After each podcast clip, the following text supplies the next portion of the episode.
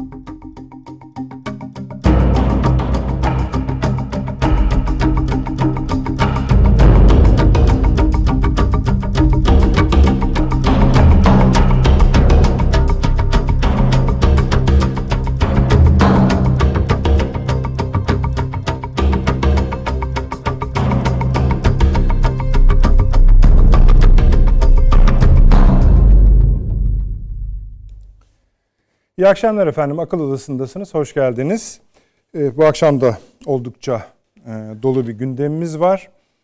Ee, İran'la başlayacağız efendim bu akşam. Ee, birden çok sebebi var. Bugün İran Dışişleri Bakanı Türkiye'deydi. Sayın Çavuşoğlu'yla görüşmeler yaptı. Sayın Cumhurbaşkanı tarafından kabul edildi. Bu önemli bir görüşme efendim. Daha önemli bir görüşmenin de zeminini hazırlamak için yapılmış görüşmeler. İran Cumhurbaşkanı gelecek Türkiye'ye. Ee, İran Dışişleri Bakanı Abdullah yani ilk önce Şam'a gitti. Suriye'ye gitti. Sonra bize geldi. Muhtemelen reisi de yani İran Cumhurbaşkanı da aynı şeyi yapacak.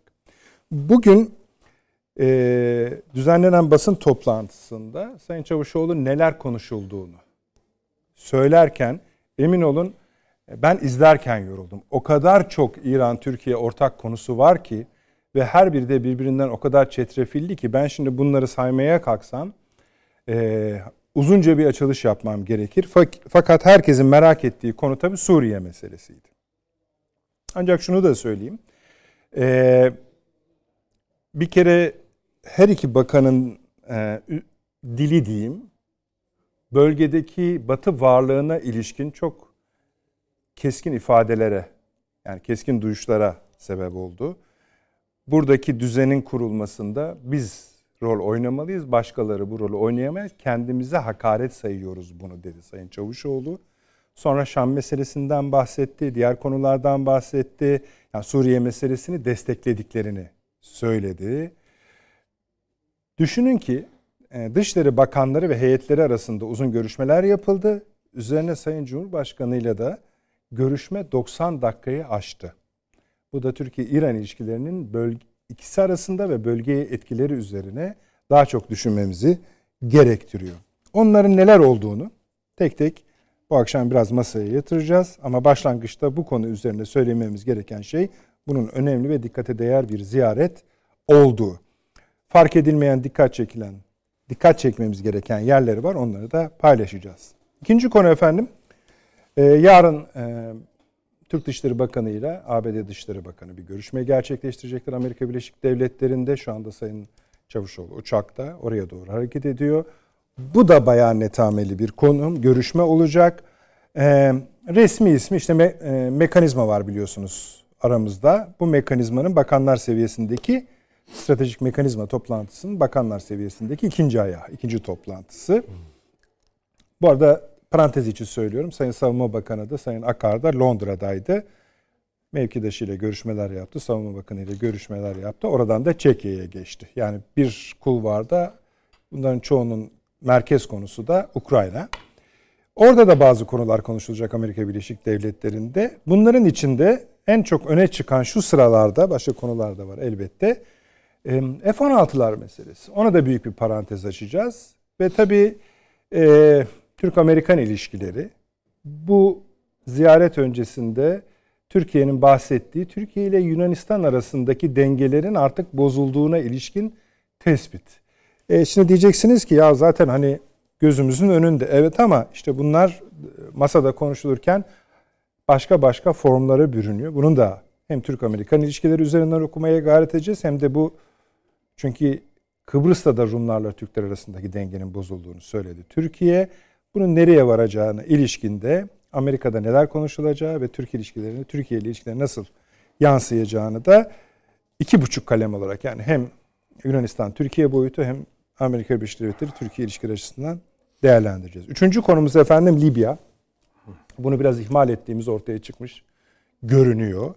Ee, biz de ara sıra birkaç cümle kurmuşuz ama son birkaç haftadır buraya bir CIA ziyareti gerçekleşti. CIA direktörü buraya gitti. Hatırlayacaksınız bundan önceki ziyareti Ermenistan'aydı. O ziyaretin ardından Ermenistan hem bölge yeni bölge dengelerini hem de Rusya'ya diklenmeye başladı. Birincisi yani yeni bölge denklemlerinin diklenmesi aslında Azerbaycan ve Türkiye'ye karşı da pozisyonunu tazelemesi anlamına geliyor.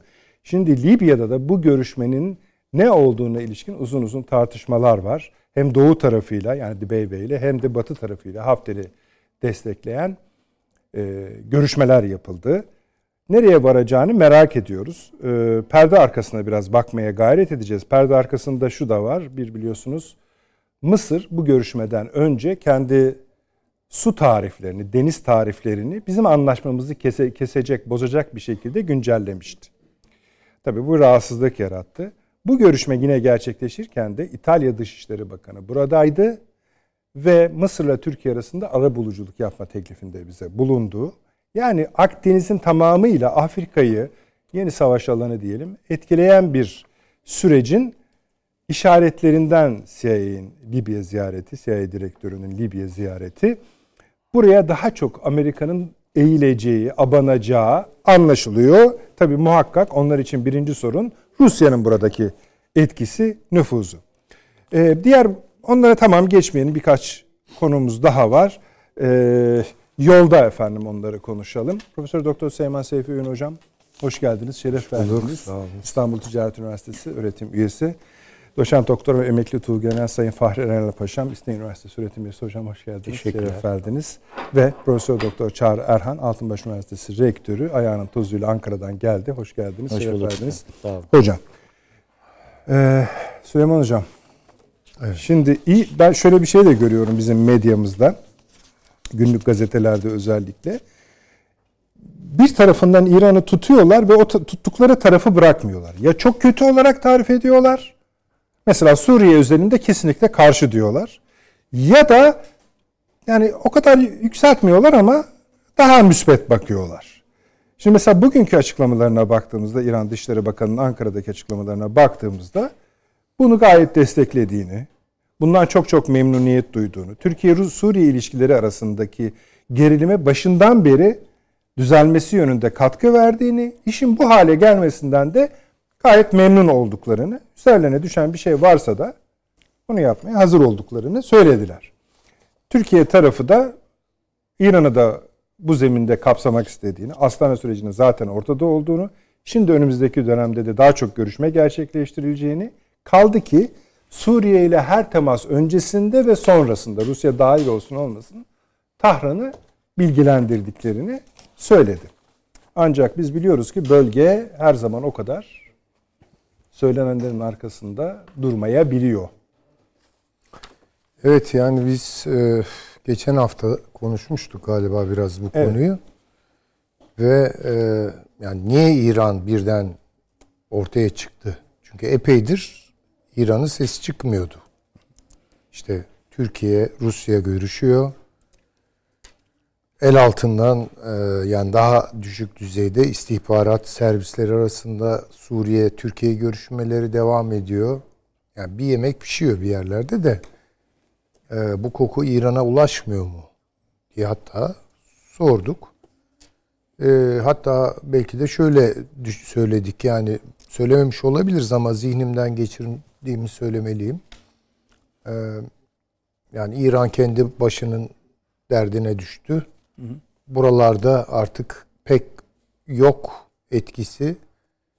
Hatta bundan sonra da olmayacak gibi düşünenler de vardı. Tabii böyle bir şey olmaz. Yani gerçekçi değil en azından. Hiç, hiç gerçekçi değil.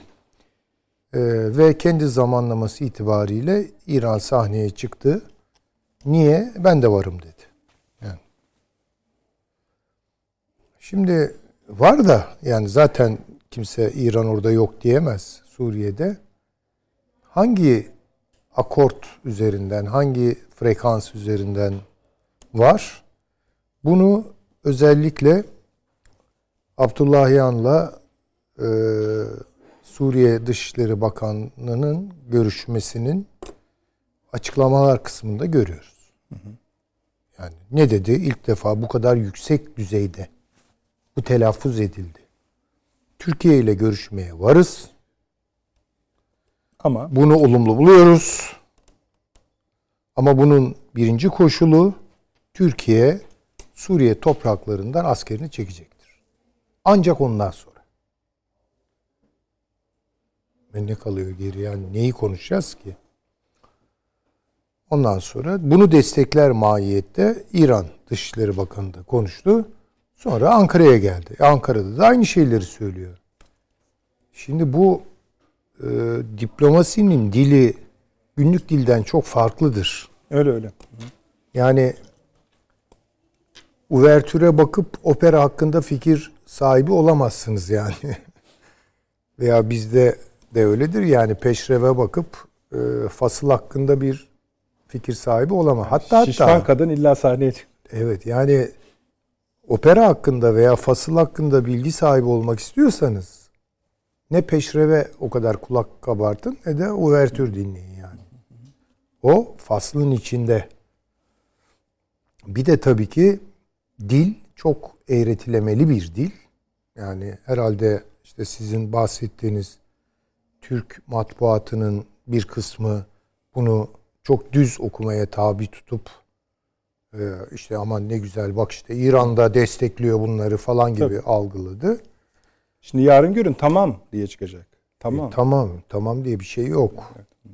Şimdi onun için biraz hani biz burada bir manada bir söylemin de içini çözmeye çalışıyoruz. Gayet tabii. Onun için gerçekçi konuşuyoruz. Ha bu hoşa gidiyor gitmiyor onu bilemem ama kendi gördüğümüz hani esas mesele ne demek? Nereye isabet ediyor? Onu ortaya koymakla mükellefiz burada. Onun için sık sık kitabın ortasından konuşuyoruz. Kitabın ortasından konuştuğum zaman benim gördüğüm manzara şudur. Bu süreç tıkanmıştır. Süreç Yani işlev- normalleşme süreci Hayır, mi? hayır. Normalleşme diye bir şey yok. Yani çünkü baştan yani ben seni masada kabul edeceğim. Bir tek şartım var. Buradaki askerini çek dediğiniz an yani zaten sonrası gelmez bunun. Bunu pazarlığa tabi tutmuyor Suriye. Ben dedi Mevlüt Çavuşoğlu'yla görüşürüm. Buna açığız. Tabii çok faydalı olur filan. Oralar dolgu malzemesi. Ama ancak Türk askeri oradan çekildikten sonra bakın daha Erdoğan Esad görüşmelerini yapıyor ya bizim Necip matbuatımız hani zihinlerinde, hayallerinde falan. Daha oraya gelmedik yani. Yani diyor ki ben Dışişleri Bakanı olarak, Suriye'nin Dışişleri Bakanı olarak Türkiye'deki mevkidaşım, mevkidaşımla görüşürüm. Ama önce Türk askeri çekilecek. Peki İran Dışişleri Bakanı'nın yaptığı açıklamalar hepsinin altına imza koyan açıklamalar. Sonra geldi bunu burada tekrar etti. İşte herkesin kulağı uvertürde olduğu için operanın ne olduğunu henüz tam anlayabilmiş değiliz. Peki Süleyman Hocam. Ee, esasında ikinci görüşmenin yani Dışişleri Bakanları arasında görüşmenin olabilmesi için buradan askerlerin Türkiye çekmelidir ifadesinin Evet. Şam yönetimi tarafından aslında olmayacağını bile bile söylendiğini kabul edebiliriz. Tabii. Bunu çekmeyecektir Türkiye. Tamam. Bu halde de bu görüşme gerçekleşebilir. O Öyle mi? zaman nasıl diyeceğiz? E, Bir kere onun bir gerçekleşmesini beklemek lazım. Tamam siz olmayacağını da Ben düşünüyorsunuz. bu şekilde olmayacağı kanaatindeyim. Hani bu çünkü açık açık. Hani bunu işte Suriye'deki bilmem ne gazetesi yazdı veya bilmem ne televizyonunda bu böyle söylendi diye söylemiyoruz artık. Açık resmi görüş bu. Ya ben her şeyi konuşurum Türkiye ile. Pazarlığa açığız, görüşmeye açığız, müzakereye ne güzel yani bunlar. Ama o Ama- dediğiniz doğru. Yani ikinci görüşme olmasını istiyorsanız bu askerler çekilmelidir ifadesini kullandı. Çekilmesi Şam. koşuluna bağlıdır. Bağladı. Çok Ha. daha açık. Şimdi ben size Hatta- söylüyorum işte. Askerlerin çekilmesi çok belli. Yani öyle bir şey olmayacak. Ee, bu halde dahi gerçekleşirse ne düşünmeliyiz? Çünkü şunu yani Rusya görüşeceksin derse görüşür Şam yönetimi. İşte artık pek öyle değil. Değil. Peki. Buyurun. Çünkü İran'ın da orada zuhur etmesi Dışişleri Bakanı seviyesinde Şam rejimine e, verilmiş bir başka e, şey destek. Tabii İran'ın oradaki Yani- varlığı aslında e, Rusya'ya karşı Şam yönetimini de Evet İran orada elini bollaştırıyor. Türkiye ve Rusya'ya karşı Şam'ın, Şam'ın yanında kendini ortaya koydu. Yani daha gövdesiyle ortaya koydu. Yani boş verin Rusya'dan gelen telkinleri. Ben şimdi tahmin yürütüyorum. Yani ne konuşulmuş olabilir? Tabi bunlar spekülasyon. Tabii tabii. Yani boş verin siz Rusya'nın söylediklerini falan. Bunların zaten ne yapacağı belli olmaz. Bunlar süper güç. Başka hesapları var. Biz çok daha mali bir gücüz. Ve senin yanındayız. Başından beri Rusya yokken de biz senin yanındaydık. Öyle değil mi? Rusya 2015. İran'ın oradaki varlığı çok daha eski yani uzantılarıyla. Yani ordusu yok ama işte unsurları var, komutanları var, danışmanları var vesaire yani. Başından beri senin yanındaydık. Onun için yani şöyle yani illa bunlar konuşulursa bir gün konuşulmak zorunda da kalınırsa rejimle birlikte Türkiye'nin boşalttığı alanları ben dolduracağım. İran hesabı o. Bu Türkiye'nin İran tarafından güneyden de kuşatılması anlamına geliyor. Ya onun için yani ben bu görüşmelerin kör düğüm haline geldiği kanaatindeyim. Başından beri zaten çok bir şey beklemiyordum. Ama hali hazırdaki açıklamalara, gidişata bakacak olursak e, böyle bir şey söz konusu değil. Yani İran şunu gördü. E, Rusya'nın Doğu Akdeniz'deki varlığını hedef alan yeni bir açılım var.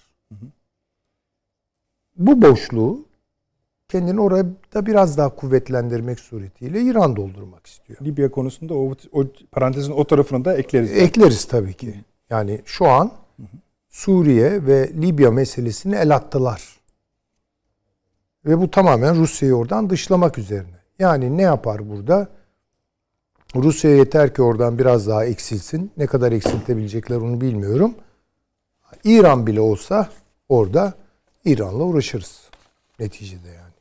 Nedir? Çünkü Rusya başka, İran başka. Güç olarak. Ee, yani benim düşüncem bu. Peki bir iki noktasını sorayım. Biliyorsunuz e, İran Cumhurbaşkanı aslında daha önce gelecekti. Bu konuya Dışişleri Bakanı, İran Dışişleri Bakanı hani rica ettik Türkiye'den faslıyla değerlen. Bu ertelenen gezinin de bu gerilimlerin bir parçası olduğunu düşünüyor musunuz? Yani çok Suriye odaklı olmaz o. Daha geniş kapsamlı olur tahmin ediyorum ama bu bu görüşmenin ağırlıklı olarak Suriye odaklı olduğunu söyleyebilirim.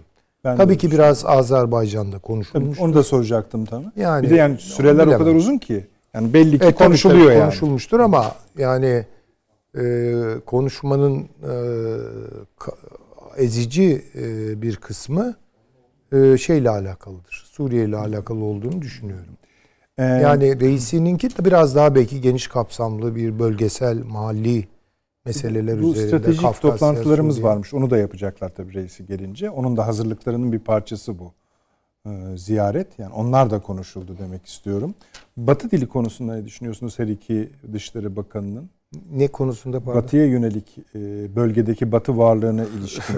e şimdi bu biraz malumu ilam. Yani İran'ın konumunu, pozisyonunu zaten biliyoruz. Türkiye ise ikircikli bir, dur bir durumda. Hala Türkiye bence bu e, Blinken Çavuşoğlu görüşmesinde değerlendirirken üzerinde durabiliriz. Türkiye şu an resmen e, Batı kampının içinde onun bir mensubu ama fiilen başka bir yerde. Çok daha ikircikli bir pozisyonu var. Dolayısıyla çift söylem kullanıyor Türk hariciyesi. Yeri geliyor Batı vurgusu bunu esirgemiyor, yapıyor.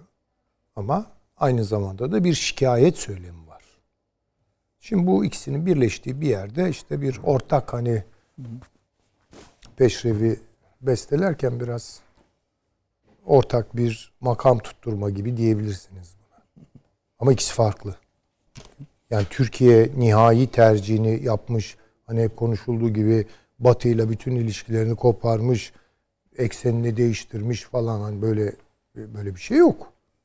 Ama İran zaten başından beri 79'dan beri o pozisyonda. Ama bir şey oluştu. Yani en azından İran'la Türkiye arasında yani dünyayı değerlendirirken diyelim bir ortak söylemin e,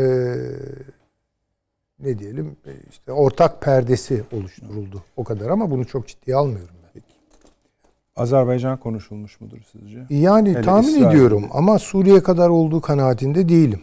Çünkü Şöyle Suriye bir gelişme oldu meselesi biliyorsunuz. Ee, Azerbaycan uzun yıllar sonra ilk defa İsrail'de e, büyükelçilik açtı. tamam. Oradaki İsrail varlığını da biliyoruz. Bu aynı zamanda bizim de e, büyükelçimizin güven mektubunu sorduğu saatlere güne denk geldi. İran'ın bunu takip etmiyor olması zaten hani şeyden rahatsız, konudan rahatsız. Ermenistan meselesi nedeniyle. Belki gündeme gelmiş midir? E, mu- muhtemelen yani ama ne ölçüde onu bilemem tabii. O biraz zorlama olur. Ölçüsünü Ama- bildiğimiz bir konu var ama başka. Yani bir konu. yoğunluklu olan Suriye'dir yani. Irak'ın da bayağı yer tuttuğu anlaşılıyor. Görüşmelerde. Doğrudur. Bu belki yine terörle mücadele konusu dahilinde de olabilir. Peki hocam anladık ve not ettik söylediklerinizi. Ee, eğer e, hani bu görüşme gerçekleşirse Dışişleri Bakanları seviyesinde o zaman bir daha fikirlerinizi alırız. E tabi o zaman yanıldığımızı söyleyeceğiz. tabii ki namusluca. Peki. Hocam buyurunuz. Ee, İran e, özellikle e, bir süredir biliyorsun bu yaklaşık 3-4 aydır sürüyor. E, iç bölgelerinde özellikle çevre değil de merkezde çıkan e, yoğun bir iç e, kargaşanın içindeydi. E, ve bununla mücadele ettiği için ve birçok ülke tarafından da hala da tam kontrol altına alınmış değil ama en azından e, şu anda dışarı yansıttığı kadarıyla e, bir e, daha öncekiler kadar etkili değil.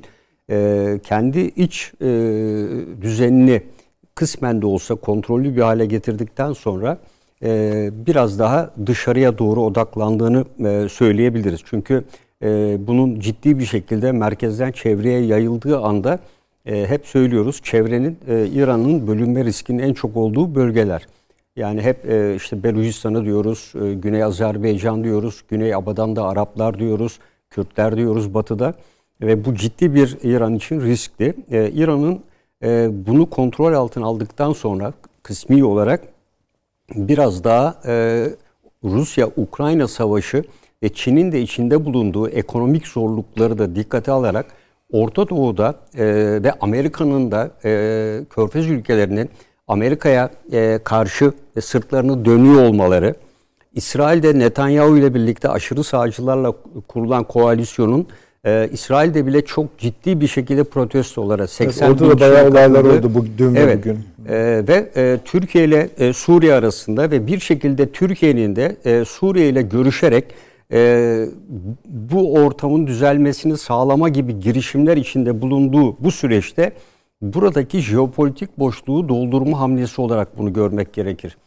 E, gerek Çin'in e, gerek Rusya'nın e, bu bölgede etkili bir şekilde sadece isimleri dışında e, Amerika'ya karşı etkili bir mücadele e, etmediklerini görüyoruz. Dolayısıyla görev e, Rusya'dan zımnen ve Çin tarafından da İran'a tevdi edilmiş olabilir.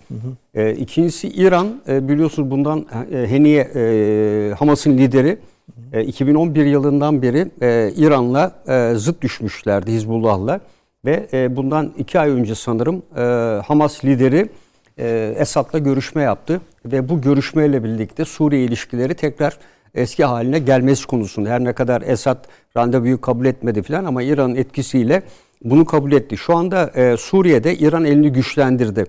E, hem Hamas var, hem Hizbullah var, hem de İran'ın diğer e, milis grupları var. E, Rusya'nın Ukrayna Savaşı nedeniyle askeri kapasitesi zımnen gerilerken e, İran Hamas'ın da etkisiyle Hizbullah'ın zaten varlığı ve diğer e, grupların da etkisiyle İran şu anda bence e, Suriye'de en güçlü askeri yapı haline geldi. Ve İranlı çok sayıda e, subayın e, Suriye ordusunu ki Ruslar eğitiyordu bir ara ve şu anda bu İran'ın kontrolüne geçti. İranlılar şu anda e, tamamen İran sistemine göre Suriye ordusunu dizayn ediyorlar ve kontrolü tamamen onlarda.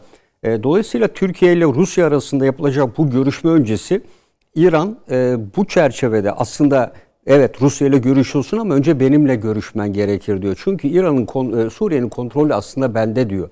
E, şu anda Rusya'nın e, buradan e, Ukrayna'dan kafasını kaldırıp bu tarafa jeopolitik bir müdahalede bulunması söz konusu değil. Bunu siz de görüyorsunuz diyor onlara. Dolayısıyla e, Rusya ile yapacağınız görüşmeler aslında e, çok fazla bir anlam ifade etmez. önce benimle bir mutabakat sağlamanız gerekir diyor. E, ve e, şu anda mesela İdlib bölgesinde İranlı milislerin oradaki Eylül Tarşam'a yönelik saldırılarında bir artış olduğu görülüyor. E, bunun da İran tarafından sanki kasıtlı olarak ortaya konulan bir hamle gibi de düşünebiliriz. Yani ben kontrol etmediğim takdirde e, bu kadar güç içerisinde Türkiye daha da zora gelebilir. E, bence e, Rusya e, görüşmesi öncesi e, Türkiye'ye e, mutlaka ben varım. E, burada hatta ben baş aktörlüğe soyundum.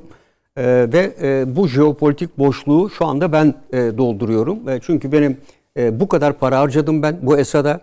E, bu kadar malzeme ve silah desteği sağladım. Bugün hayattaysa, ayakta duruyorsa aslında Rusya değil, benim sayemde duruyordur diyor ve harcadıkları rakamlar da zaten ortada. İran medyasında da yer alıyor. E, bu Suriye ayağı. E, ikincisi e, İran üzerinde Ukrayna-Rusya savaşının İran'a sağladığı en önemli fayda bence nükleer görüşmelerin tam aks, e, askıya alınması ve İran'ın bu boşluğu iyi doldurarak nükleer e, kapasitesini giderek arttırmasıdır. Hep söylüyorduk İran e, ciddi bir şekilde uranyumun zenginleştirilmesinin %70-80'lere kadar çıkarttığını ve daha da küçük kilotonlarda ben nükleer silah üretmiş olabileceğini de düşünüyorum açıkçası. E, bu da İran'ın elini güçlendiren ikinci faktör. Bir üçüncü faktör ise e, İran e, geçen iki hafta evvel e, biliyorsunuz Talabani e, Talabani'nin e, partisinden bir grubu e, Suriye kuzeyinde e, hem YPG'nin hem de e, e şeyin SDG'nin e, üst düzey yöneticilerle görüşmeye gönderdi. Yani ciddi bir inisiyatif aldı. E, Süleymaniye bölgesinden oraya gönderdi ve orada bir takım görüşmeler yaptılar. Bu görüşmelere baktığımızda bu görüşmeler Suriye'nin kuzeyinde özellikle Fırat'ın doğusunda Türkiye sınır bölgesinde sanki tekrar bir kontrolü sağlama çabası şeklinde düşünülebilir. Amerika'nın da etkisi var ama bu görüşmeler Amerika'ya rağmen mi, Amerika'nın bilgisi dahilinde mi olduğunu ya da Talabani'nin e, tekrar görüşmesi, geçmişteki ENKS yani Irak Kuzeyi ile Suriye Kuzeyi'ni birleştirmesi projesinin bir parçası mı olduğunu dikkate almak gerekir. Ama Talabani bir şey yapıyorsa mutlaka İran'ın etkisiyle e, yaptığını düşünüyorum. Diğer bir konu Irak mutlaka görüşülmüştür. Özellikle Irak'ın kuzeyinde e, Irak merkezi hükümetinin aldığı e, burada bir muhafız birlikleri oluşturma e, çabasının, sınır muhafızları. Evet, sınır mi? muhafızları çabasının da her iki ülke açısından da değerlendirileceğini. Çünkü burada sadece buradaki basit bir e, eğitimsiz bir yapıyla Irak kuzeyinin asla kontrol altına alınamayacağını ve terör örgütlerinin tekrar hem Türkiye hem İran için PEJAK veya PKK yeni baştan doğmalarına yol açabileceğini. Bu yüzden de e, bu konuda da Irak üzerinde e, mutabakata vararak e, ortak bir baskı e, oluşturabilirler e, bu konuda. E, bunun dışında tabii e, özellikle İsrail'deki e, aşırı e, sağın özellikle e, Filistin ve Kudüs'e yönelik hamleleri e, ve Lübnan'ın içinde bulunduğu durumun e, ciddi anlamda biliyorsunuz Konkordato ilan etti zaten Lübnan. Yani tamamen iflas etmiş durumda bir ülke. Buranın yansımalarının Orta Doğu'ya ve özellikle Suriye'ye olan etkilerini de değerlendirildiğini düşünüyorum. Çünkü Lübnan patladı patlayacak. Yani bu patladığı anda etkisi İsrail'e değil doğrudan doğruya Suriye ve Türkiye olacaktır. Hı hı. E, e, yeni bir göç dalgası, yeni bir hareketlenme söz konusu olabilir. Bunun için de Lübnan'da e, sınırdan geçerek gelen göçmenlerle ilgili yeni bir takım tedbirler alınmaya başlandı. Suriye tarafından da alındı. Yani bu hareketlenmelerin olacağının işaretidir bu. E, buna e, ben ciddi bir şekilde süreç ayırdıklarını düşünüyorum. İran buraya gelirken elini güçlendiren diğer bir şey de Şangay İşbirliği Örgütü'nün e, resmi üyesi olarak geldi buraya. E, bundan evvel şan, e, hiçbir örgüte üye değildi. Ama ilk kez... Oraya geçmeden e, sevgili paşam, çok güzel bir e, sadeleştirme yaptınız. Dedi ki İran, yani tüm toplamların evet. sonucunda, orada muhatabınız benim. Yani söylediğiniz şey evet. bu esasında. Ukrayna zaten Rusya'nın başında başka yerler de var. İşte biraz sonra Libya'yı konuşacağız. Evet. Orayı da saracak belli ki Amerika. Peki Rusya buna ne diyor? Yani bu bize geldiği için biz cevap vermek zorundaymışız gibi hissediyoruz. Bu cümleye ne diyor e, mesela? Rusya Rusya bunu e, kabul etmek zorunda kalıyor. Hı. Çünkü e, bundan yani. e, 2018'de aslında pek medyada yer almayan e, İran'dan çıkarak Ukrayna Savaşı 2014'te e, e, ilk olarak işgal ettikten sonra Rusya İran'la Rusya arasında bir ticaret koridoru anlaşması yapıldı. Hı hı. Bu ticaret koridoru anlaşması İran'da Aslan merkezli ve Aslan'da çok büyük bir lojistik merkez kuruldu. Burada 400'ün üzerinde İran ve Rus firması çalışıyor. Ve bunlar doğrudan doğruya Rusya'nın e, batıya ve diğer taraflara ihraç edemediği ürünler İran üzerinden üretilerek burada İran'ın yaptırım söz konusu olmayan merkezlere rahatlıkla sevk edilebiliyor. Aynen İsrail'in Mısır savunma sanayini geliştirmek için e, Amerika'ya e, vergisiz e, ürün üretmek üzere bölge tahsis etmesi gibi. Dolayısıyla Rusya şu anda evet Türkiye üzerinden e, oligarklar vesaire gibi veya paralar yeni şirketlerle bunu yapıyor ama ürettiği ürünlerin benzer firmalarının büyük bir kısmı İran'da kurulmaya başlandı ve Asra'an. E, bu aslında yeni bir proje değil. Savaştan önceki bir projeydi bu ve savaşın savaş bu projenin hızlanmasını sağladı. Bu projenin önemli ayaklarından biri Hazar Denizi'nin ortasından İran'dan geçen Hazar'ı diklemesine geçerek Rusya'ya giden bir hat. E, oradan Rusya ile transferi böyle sağlıyorlar. Yani hiçbir başka ülkeye bağımlı kalmadan. Hı hı. Mesela Türkiye üzerinden değil, Kafkaslardan değil bu hattı kullanıyorlar. Diğer bir hatları daha var Süveyş kanalı üzerinden deniz ticareti yoluyla. Yani Rusya'daki malların e, denetime tabi olmadan e, İran üzerinden gitmesi ve buradan da Kuzey Avrupa'ya doğru gidiyor olması. Dolayısıyla aralarında ve ticaret hacmi de oldukça önemli miktarda artmış durumda.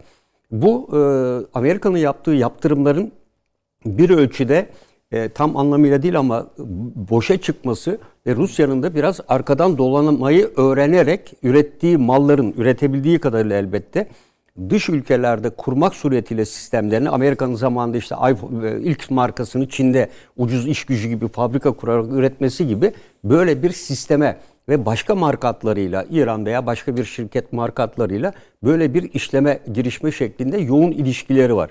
Aynı ilişki Çin'le de vardı biliyorsunuz. Bir yapılan anlaşma var ve Çin'in e, İran'ın güneyinde de benzeri şekilde bir petrol üretim tesisleri ve kimya tesislerinin kurulma süreci başlıyor. E, bu açıdan da baktığımızda şu anda sanki bu bölgede Çin ve Rusya vekaletlerini İran'a vermiş gibi görünüyor. Yani e, bizim e, adımıza e, sen çünkü e, Suriye'nin evet en büyük nefes borusu Türkiye ama e, bence e, gizli ve geride kalan nefes borusu İran. E, İran e, SİHA'larının ve İHA'larının e, Ukrayna'da e, verme pahasına biliyorsunuz İran'a yaptırım geldi. Yani buradaki sen nasıl verirsin diye bütün bunları göze alacak şekilde ki nük daha yeni yeni bir kısım yaptırımlardan muaf olmuşken birdenbire bu yaptırımlara tekrar e, maruz kalacağını bilerek bu harekete geçmesinin ardında da e, İran'ın e, bu bölge üzerindeki geçmişten kalan Şii hilalini tamamlamak ve Irak kuzeyi ile Suriye kuzeyi üzerinden hattı, boru hattını Laskiye limanına aktarmak. Ve ileride bence güçlendikçe Rusya'dan da Laskiye'de ortaklık talep edecektir. Çünkü Laskiye hep söylüyoruz aslında Esad'ın anlaşmayla resmen İran'a vermiş olduğu bir e, limandır. E, ve Rus Putin e, 2015'te buraya gelince bu anlaşmayı ben gemilerimi buraya koyacağım dedi. Anlaşmayı hatta hatırlarsınız İsrail Hava Kuvvetleri e, bu bölgedeki İran malzemelerini vurdu e, limana getirilmiş olan. Hı hı. Ve e, Rusya S-400'leri açmadı, S-300'leri açmadı. Ve ciddi anlamda e, hem personel kaybı verdi hem de malzeme kaybı verdi İran. Ama şu an o zaman savaş yoktu. Şu anki savaş şartları altında e, İran elinin ben daha güçlü olduğunu düşünüyorum. E, çünkü Rusya en güçlü destek sağlayacak olan silah sistemi füze anlamında bir İran'dır ve İran Rusya'nın dışa açılan kapısıdır. Çin değildir. Yani Çin'de de evet şu anda görüşmeler ve stratejik hamleler gidiyor ve bir de ilginç var mesela Çin'le Rusya arasında e, propaganda konusunda ortak bir merkez kuruldu. Hı. Bu şu anda Evet gördüm Amerika, Batı'da evet, bu tür bir şey çıkmış. Evet bir yazı e, çıkmış, işbirliğine evet. gittiler şu anda hı hı. ve Amerika Birleşik Devletleri Batı'ya karşı ortak bir e, politika yürütmeye başlıyorlar. Yani medya ile ilişkiler ve Batı'nın manipüle edilmesi, kamu diplomasi diyebiliriz yani buna. E, böyle bir e, gelişme. Şunu da sorabilir miyim? Tabii. E, muhtemelen e, başta bir satırla geçtiğiniz e, İsrail meselesini daha açacaksınız. Ha, şimdi oraya e, buna İsrail ne diyor? Amerika'nın ne dediğini anladık evet. da. E, bu e, bu tür bir gelişme aslında yani Türkiye'nin e, İsrail'in yani istediği... Çin ve e, Rusya'nın desteklediği İran geliyor Suriye'ye çöküyor öyle evet. anlıyoruz Buna İsrail bir şey söylemesi lazım. Bu sefer e, kendi İsrail için söyleyecek ama e, İsrail Söyleyecek şu anda söyleyecek bir diyorsun. pozisyonda değil. Yani bunu e, yoğun iki tane İsrail gazetesinden de e, yorum aldım. Yani ben de bunlar e, acaba kendi işlerine düşmüşken şu anda e, bu taraflarla ilgilenebiliyorlar mı diye. İran'ın e, bu görüşmelerle ilgili e, çok ufak haberler dışında kapsamlı haber yok. Şu anda tamamen bu aşırı sağcı yapıdan biz nasıl kurtulacağız? Bu İsrail'i mahvedecek. Bütün bunun üzerine odaklanmış duruyorlar. Yani İsrail tarihinin en büyük işte kaldı belirttiğimiz ki gibi. hükümet çok böyle şeye bağlı, ipliğe Evet, bağlı evet. bir yani hükümet. 7-8 partiden oluşan bir hükümet. Yani e, ve savunma bakanı göreve gelir gelmez yaptığı işleri e, görüyorsunuz. Yani diğer e, birçok e, ve Kudüs'e gidişi, e, onun dışında Filistin ve diğer e, konulara bakışının e, tamamen e, şahin bir bakışı, daha da şahinleşen bir bakışı gösteriyor. Bu da Filistin meselesi açısından e, oldukça zorlayacaktır. Kimi zorlayacaktır? Elbette Türkiye ve Filistin davasının en önemli temsilcilerinden İran, Arap ülkeleri e, bu konuda mutlaka görüşülmüştür. Yani Filistin e, verilecek destek, bu seferki desteğin e, ben biraz daha güçlü olabileceğini düşünüyorum. Yani sadece sözde değil, e, daha ciddi bir yapı şeklinde de olabileceğini, şu anki konjonktürün de buna uygun olduğunu düşünüyorum açıkçası. E, Filistin içinde bir şans. E, tabii elbe e, Kıbrıs da aynı şekilde. Yani Kıbrıs'ın e, silahlanması ve tanınabilirliği konusu da Libya'da e, o da e, görüşülebilir Bir diye son bir düşünüyorum. spekülatif soru sormak istiyorum. Şimdi Amerika Birleşik Devletleri'ne yani ayrı konuşacağız onu ama herhalde bu konu konuşulacak. Tabii. Ya Suriye'de ne oluyor? Çünkü daha yeni soruldu sözcüye defaten. Sözcü dedi ki bizim görüşümüzde hiçbir değişiklik yok. Türkiye özelinde de söylemiyoruz. Şam yönetimiyle kim senin herhangi bir şekilde ilişki kurmasını desteklemesini ya da işte bu tür kapıların açılmasını biz desteklemiyoruz dedi. Şimdi siz diyorsunuz ki Şam yönetimini boş verin. Orada artık İran var. İran'ı destekleyen Rusya, Çin. Amerika Birleşik Devletleri Türkiye ilişkilerine bu tablo nasıl yansır? Bu Belki de tablo, avantaj e, üretebilir. e, Bu tablo tabii çok olumsuz yansıyacak. Zaten Amerika ilk baştan itibaren söylemeye başlamıştı. Yani siz Esad'la e, görüşemezsiniz. Bizim politikamıza aykırı e, değişleri vardı. E, hemen akabinde aslında İran'ın buradaki mevcudiyeti yeni değil. Hamas'la olan e, Hamas'ın Esad'la görüşmesi, Hizbullah'ın devreye girmesi, İranlı milislerin yapısı daha bir hafta evvel yine e, İsrail jetleri Şam güneyindeki İran milislerini bombaladı.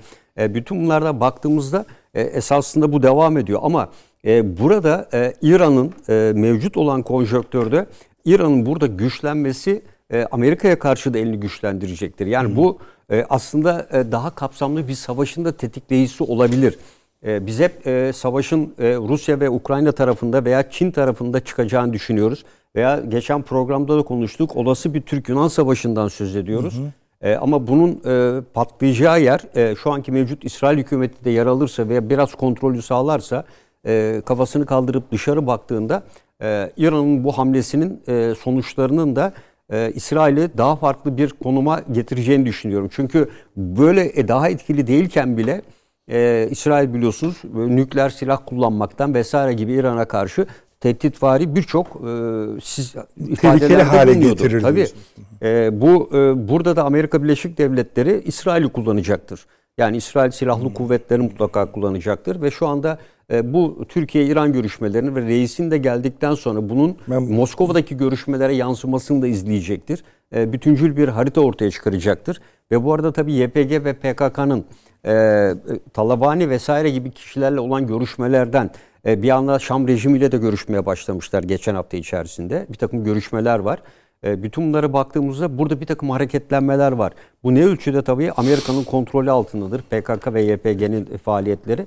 E, ona göre e, önümüzdeki günlerde net bir ediyorum. sürece çıkabiliriz. aydınlatıcı oldu. Bir şey mi ekleyecektiniz Süleyman Hocam? Amerika hayır, ben- faslında biraz Yok. e, ümit var hani ümit var olabilir, olabilir miyiz miyiz? dediniz. Tabii tabii. O kanaatte değildim. Paşam da Zaten benzer altını çizdi. Çağrı Hocam buyurunuz. Zaten notlarınızı okusanız programı kapatıp buyurun. Model Birleşmiş Milletler diye bir şey var. Hı. Bu üniversite öğrencileri arasında yapılan bir yarışma artık liselere kadar geldi. Yani iyi liselerin özellikle bu sosyal bilimler sınıflarındaki çocuklar da lisanı kuvvetli olan çocuklar da katılıyorlar. Model Birleşmiş Milletler şu. Birleşmiş Milletler gibi bir yapıda işte güvenlik konseyinde veyahut genel kurulda veyahut ekonomik sosyal konseyde herkese bir ülke veriliyor. O ülkenin öncelikleri size veriliyor. Siz çalışıyorsunuz onu. Ondan sonra da bir soru atıyorlar ortaya. O soru hakkında herkes kendi görüşünü ortaya koyuyor. İttifaklar kuruyorsunuz. Çatışmalar yaşıyorsunuz. Oylama yapılıyor. Kim kazanıyor? Yani bir nevi münazara, simülasyon üzerinden. Şimdi bu model Birleşmiş Milletleri bu Suriye hadisesine bir entegre edelim. Biraz daha böyle uluslararası ilişkiler oyun teorisi üzerinden ele almaya çalışalım. Hangi aktörler var? Sahada bir defa Suriye'nin kendisi var. Ne istiyor Suriye? Çok uzatmayalım. Yani en fazla iki tane öncelik sayalım. Ne istiyor? Bir, rejimin güvenliği. Bunun alt başlıkları var. Rejim muhaliflerinin tamamen etkisiz hale Ama getirilmesi. önce vesaire. koltuğum yerinde Rejim, kaldı. koltuğum. Yani bugüne kadar nasıl 12 senedir ben burada oturmaya devam ediyorum. 2000'de babam öldü. Hala 23 senedir ben burada oturuyorum. 11 yılda savaş. Ha, 11 yılı bunun savaş. Bundan sonra da ölmeye de, şey, oturmaya devam edeceğim. İstiyorum. Bir. iki ne istiyor? Toprak bütünlüğüm sağlansın. Onu ikinci sıraya koyuyorum. Yani evvela ama koltuk. Koltuk. Evvela koltuk. İran ne istiyor? İran zaten o yıllardır dillendirilen bir Şii hilali konusunun en sağlam bağlantısı şu an Suriye olmuş durumda. Eskiden Lübnan, Yemen, hatta harpten sonra Irak sayılırdı ama şu anda Suriye çünkü Suriye medyun.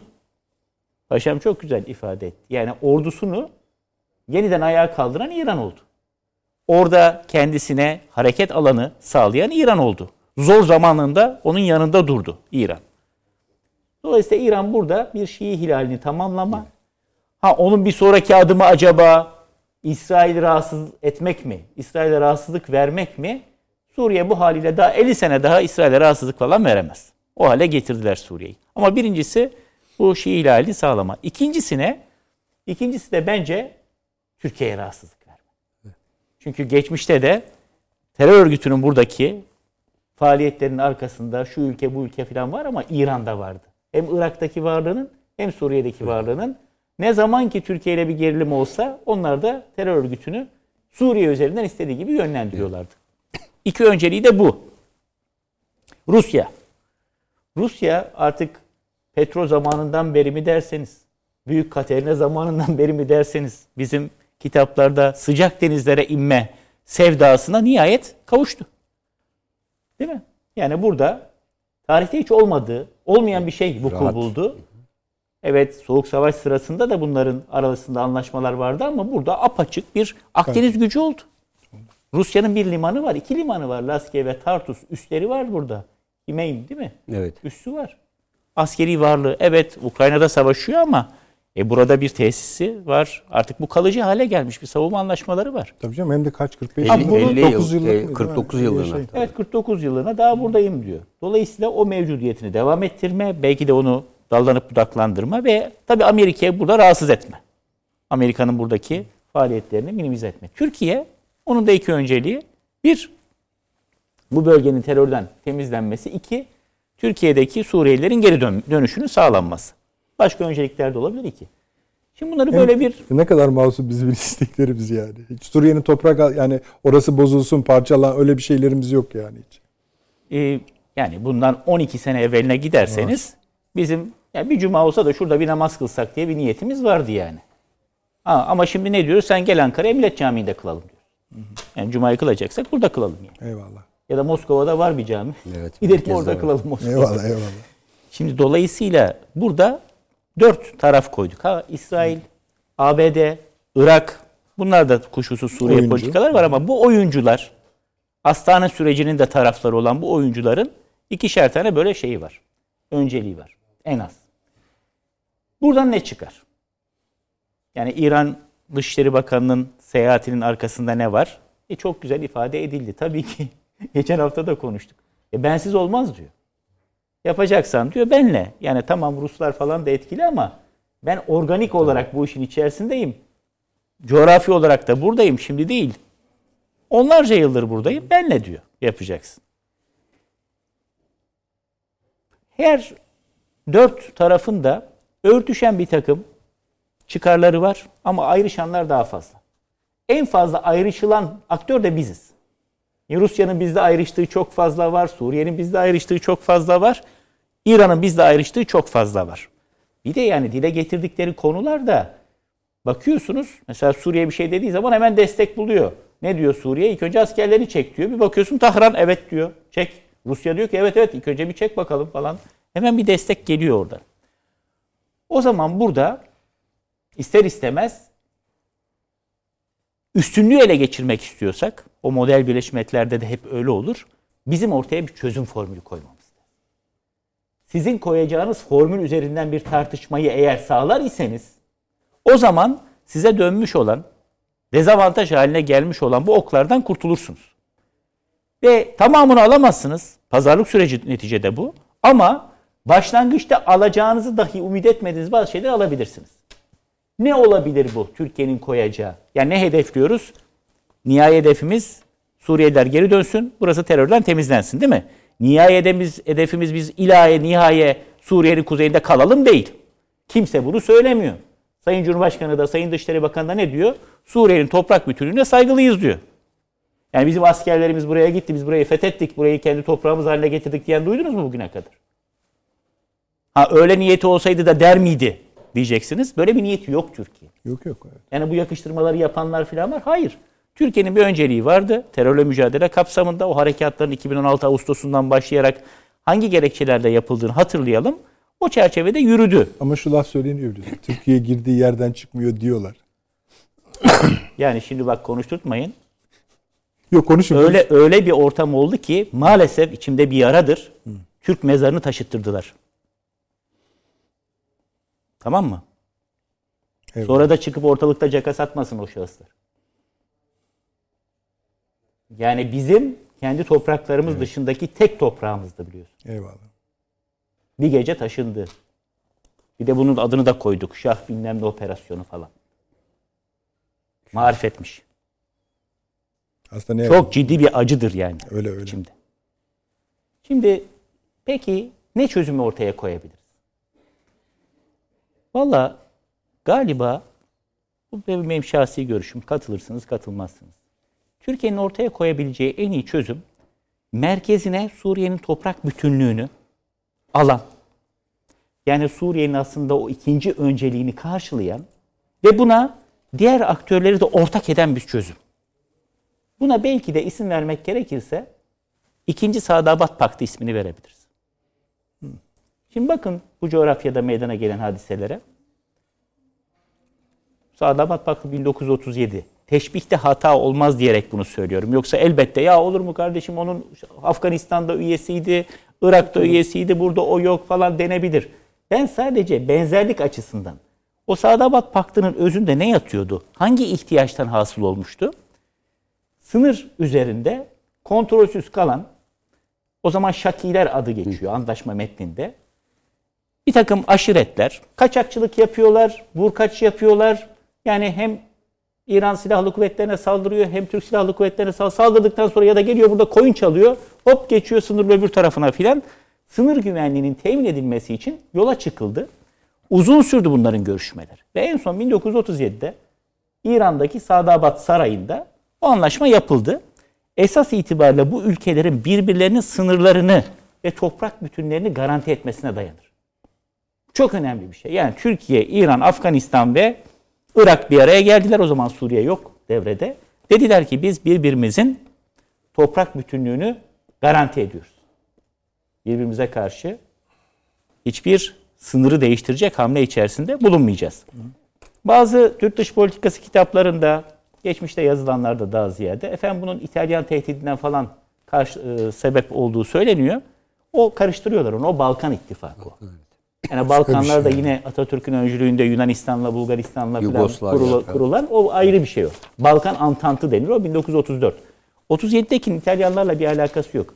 Tamamen sınır güvenliği ve oradaki kontrol dışı aşiretlerle ilgili. Benzeri bir modeli Ankara diyebilir ki arkadaşlar İran, Suriye, hatta Irak ve Rusya. Buyurun Suriye'nin sınırlarını ve toprak bütünlüğünü hep beraber garanti edelim. Ben taahhütte bulunuyorum. Bugün burada bir askeri mevcudiyetim var. Sebebi de bu. Fakat ben şu şu şartlar sağlandığında buradan çıkacağım. Nedir o? Suriye Silahlı Kuvvetleri burayı terörden temizlediğinde ya da gelin buyurun beraber temizleyelim. Zaten oraya bağlayalım. Amerika Birleşik Devletleri'nin özellikle iki haftadır bulduğu her fırsatta ya görüşmeyin görüşmeyin demesinin arkasında ne yatıyor? Suriye ile Türkiye'nin birlikte PKK-PYD'ye karşı bir operasyon yapma ihtimali yatıyor. Ha bunu yapar mı Suriye?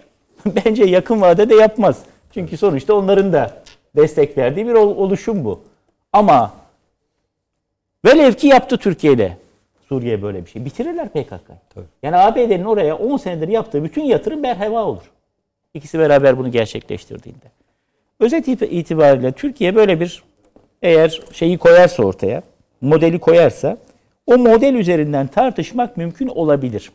Bir test koyarsanız o tez sizin tezinizi tartıştırırsınız. Hadi herkesin görüşlerini toplayalımla o zaman ne olur biliyor musunuz? Mesela İran ya Türkiye'de zaten seçim var. Dur bir bakalım olur. Esad e, dur bir bakalım kardeşim 4-5 ay sonrasına. Şimdi bir adım atmayalım. Bağlayıcı bir noktaya Hatta evet şu da söyleniyor. Sonra evet derim ama şu anda ne oy ha, kazandıracağım. Ha, bunu da de, dediği rivayet evet, olunuyor. Evet evet. Dolayısıyla eğer siz bir şey koyarsanız ha onun üzerinden bir tartışma olur. Bence Türkiye böyle bir modelle gelebilir. Nerede yapacak bunu? Türkiye, Rusya ve İran'ın beraber olacağı bir toplantıda. Şimdi İran Cumhurbaşkanı gelir. Onunla da tartışılır. O stratejik yüksek seviyeli Masa istişare kurulur. masası kurulur. Orada her konu ele alınır. Ama akabinde de belki Türkiye, Rusya ve İran birlikte bu yeni Sadabat Paktı diyebileceğimiz oluşumun omurgasını oluşturabilirler. Neden olmasın? Netice itibariyle bu söylediğim hat yani Suriye'nin toprak bütünlüğünün korunması çizgisi birbirleriyle çok çatışan noktaları olan bu ülkelerin aslında ortak Rusya'nın e, kuvvetli şeyi, teşviğinin noktası. arkasında biraz bu yatıyor olabilir mi? Yani çünkü sonuçta bu yani en çok Rusya bunu itekledi biraz hani gelin bir araya gelin bir araya ev sahipliği yapıyor kolaylaştırmaya Vallahi Rusların çalışıyor. ne düşündüğünü bilmiyorum. Hı hı. Ama Keşke bakın bilseydim. bunu bunu biz pişirip masaya koymalıyız. Hı hı. İçini doldurmak kolay. Çünkü aslında bir tane omurga koyacaksınız. Biz sizin sınırlarınıza saygılıyız kardeşim. Bunu istemiyor musun? Toprak bütünlüğüne saygılıyız kardeşim. Birleşmiş Milletler tarafından tanınan meşru rejimine saygılıyız kardeşim. Bu bizim asgari müşterimiz. Hadi bunun üzerinden devam edelim denilebilir. Ben bu söylendiği takdirde ve Türkiye bunun için bir devlet garantisi verdiği takdirde Suriye rejiminin de bazı konularda ısrarcı olmayacağını düşünüyorum. Ama tabii ki uluslararası ilişkilerde, uluslararası hukukta temel bir prensip var. Ne o? Bona fide. Yani hüsnü niyetle taraflar eğer hareket ederlerse ama iyi niyetle hareket etmezlerse elbette buradan çok maraza çıkabilir. E bundan tabii ki Suriye daha fazla zarar görür. Şimdi İran Dışişleri Bakanı'nın görüşmesinde neler görüşülmüş olabilir? Elbette Suriye meselesi. Tabii. Sayın e, Cumhurbaşkanımızın davetlisi olarak ülkemizi ziyaret edecek olan İran Cumhurbaşkanı'nın ziyaretinin içeriği. Terörle mücadele konusu. E, evet büyük ihtimalle gelmiştir gündeme ben bilmiyorum şey yapamadım gazetelere de bakmadım. Yani bu Azerbaycan-İran ilişkileri Türkiye'yi de... Evet. Bu toplantıda dediğim gibi çok uzun bir liste sayıldı ama Azerbaycan yoktu. Evet yani bu Azerbaycan, ya da işte, İran'ın daha doğrusu Ermenistan'la ilişkileri. Bakın Türkiye bir şey yapmaya çalışıyor. Çok büyük de bir başarı elde etti. Ne yapmaya çalışıyor? Türkiye Ermenistan'a dedi ki ben seninle normalleşirim. Bir tek şartım var. Azerbaycan'ın toprak bütünlüğünü tanı.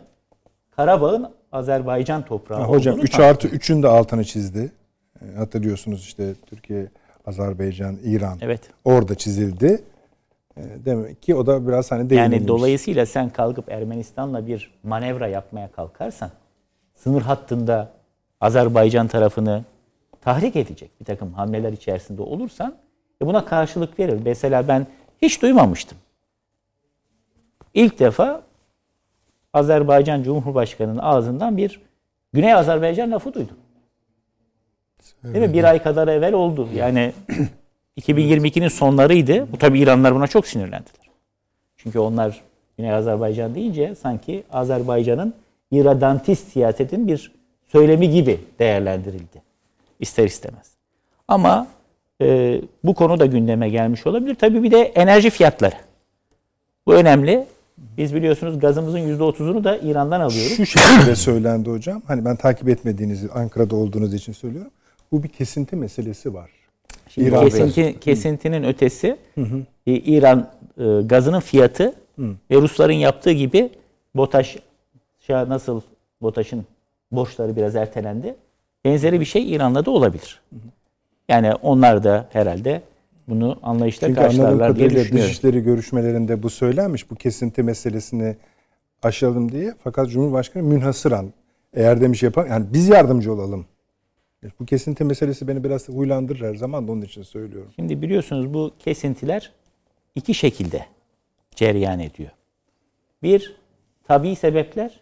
iki suni sebepler. Şimdi tabi sebepler kendi kendine patlayıveriyor. Ya da Ukrayna'daki gibi sünni sebepler.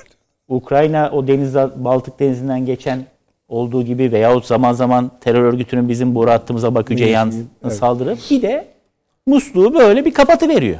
Vana çalışıyor mu diye. Ha niye? Niye yapıyor bunu? Bazen bakım çalışması adı altında e, bir işaret veriyor, bir sinyal veriyor. E, dolayısıyla Biz bu yapalım, konuda, yardımcı olalım bu demek de konuda, anladık derdinizi Bu konuda demek gündeme gelmiş olabilir. Hasılı kelam, Türkiye-İran ilişkilerinde en önemli gündem maddesi uzunca bir süredir olduğu gibi bugün de Suriye ve artık burada bir şeye erme, e, sona gelme iradesinin yavaş yavaş ben oluştuğunu görüyorum. Çünkü İran açısından da sürdürülebilir bir şey değil. Yani biz hep böyle biraz tek taraflı bakıyoruz. Ya neticede orada bulundurduğu birliklere bu para aktarıyor. Tabii. Onların da ölümler olduğu zaman aileleri var. Onlara da bakmak zorunda kalıyor.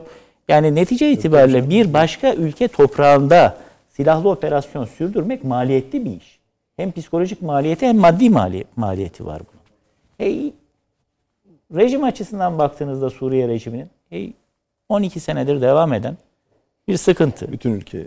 Yani artık bunun bir Yani nihayete konuşmuşuz. Şam'da erdirilmesi ekmek bulunamayacak kadar, un bulunamayacak kadar benzin nihayete, nihayete erdirilmesi lazım. Bir de şu var yani tabii bu ülkelerin aydınları siyasetten bağımsız olarak ve bürokrasiden özellikle güvenlik bürokrasisinden bağımsız olarak aydınları böyle bir düşünüp ya ne oldu da böyle oldu? Bunu düşündüklerinde geriye dönük olarak ya bazı fevri hareketlerin aslında nasıl yanlış bazen de iletişimsizliklerin nasıl böyle sonuçlar doğurduğunu görme imkanına sahip olacaklar. Yani filmi geriye sardığınızda mesela bu hamle yapılmayabilirdi ya diyeceğiniz şöyle yapılabilirdi. 20 defa Şam'a gitme 21. defa git kardeşim. Gitseydin 21. defada yani. 22. defa gitseydin. Çünkü sonuçta ortaya öyle bir maliyet çıkıyor ki. Tabi tarihçi şapkasıyla bakıldığında efendim işte keşkelerle, belkilerle falan olmuyor tarih. Olmaz. Olan olmuş artık. Ama tarih ne işe yarıyor? Tekerrür etmemesi için bundan ne ders çıkartılabilir? Yani yarın öbür gün bunlar uluslararası ilişkiler talebelerine veyahut daha böyle akademilerde falan bir örnek olay olarak okutulduğunda tarafların hangi hataları yaptığı konulduğunda e, bu tarafın da hatası var yani. Bazı konularda çok fevri, hızlı, e, batının tabiri caizse ittirmesine çok gelerek yani öyle şak diplomasisiyle falan olmuyor. Hadi girin bakalım bizim adımıza orada bulunun. E sonra bakıyorsun adam kimyasal silah kullandı. Hadi sen neredesin? Yok ben yokum dedi. Obama çekildi gitti. Öyle. E sen böyle timsahlarla dolu bir havuza itilmiş kendini buluverdin. Peki hocam. Çok teşekkür ediyorum. Paşam bir şeyler ekleyeceğinizi hissettim ama. Yok. Evet, Heh. tamam. Bu e, Süleyman Hocam sizin var mı? Yok hayır. Heh, tamam. Bu şey- belki şey konuşulabilir biraz. Buyurun. Çin vurgusu. Buyurun. O önemli. Yani Ya çok özür dilerim.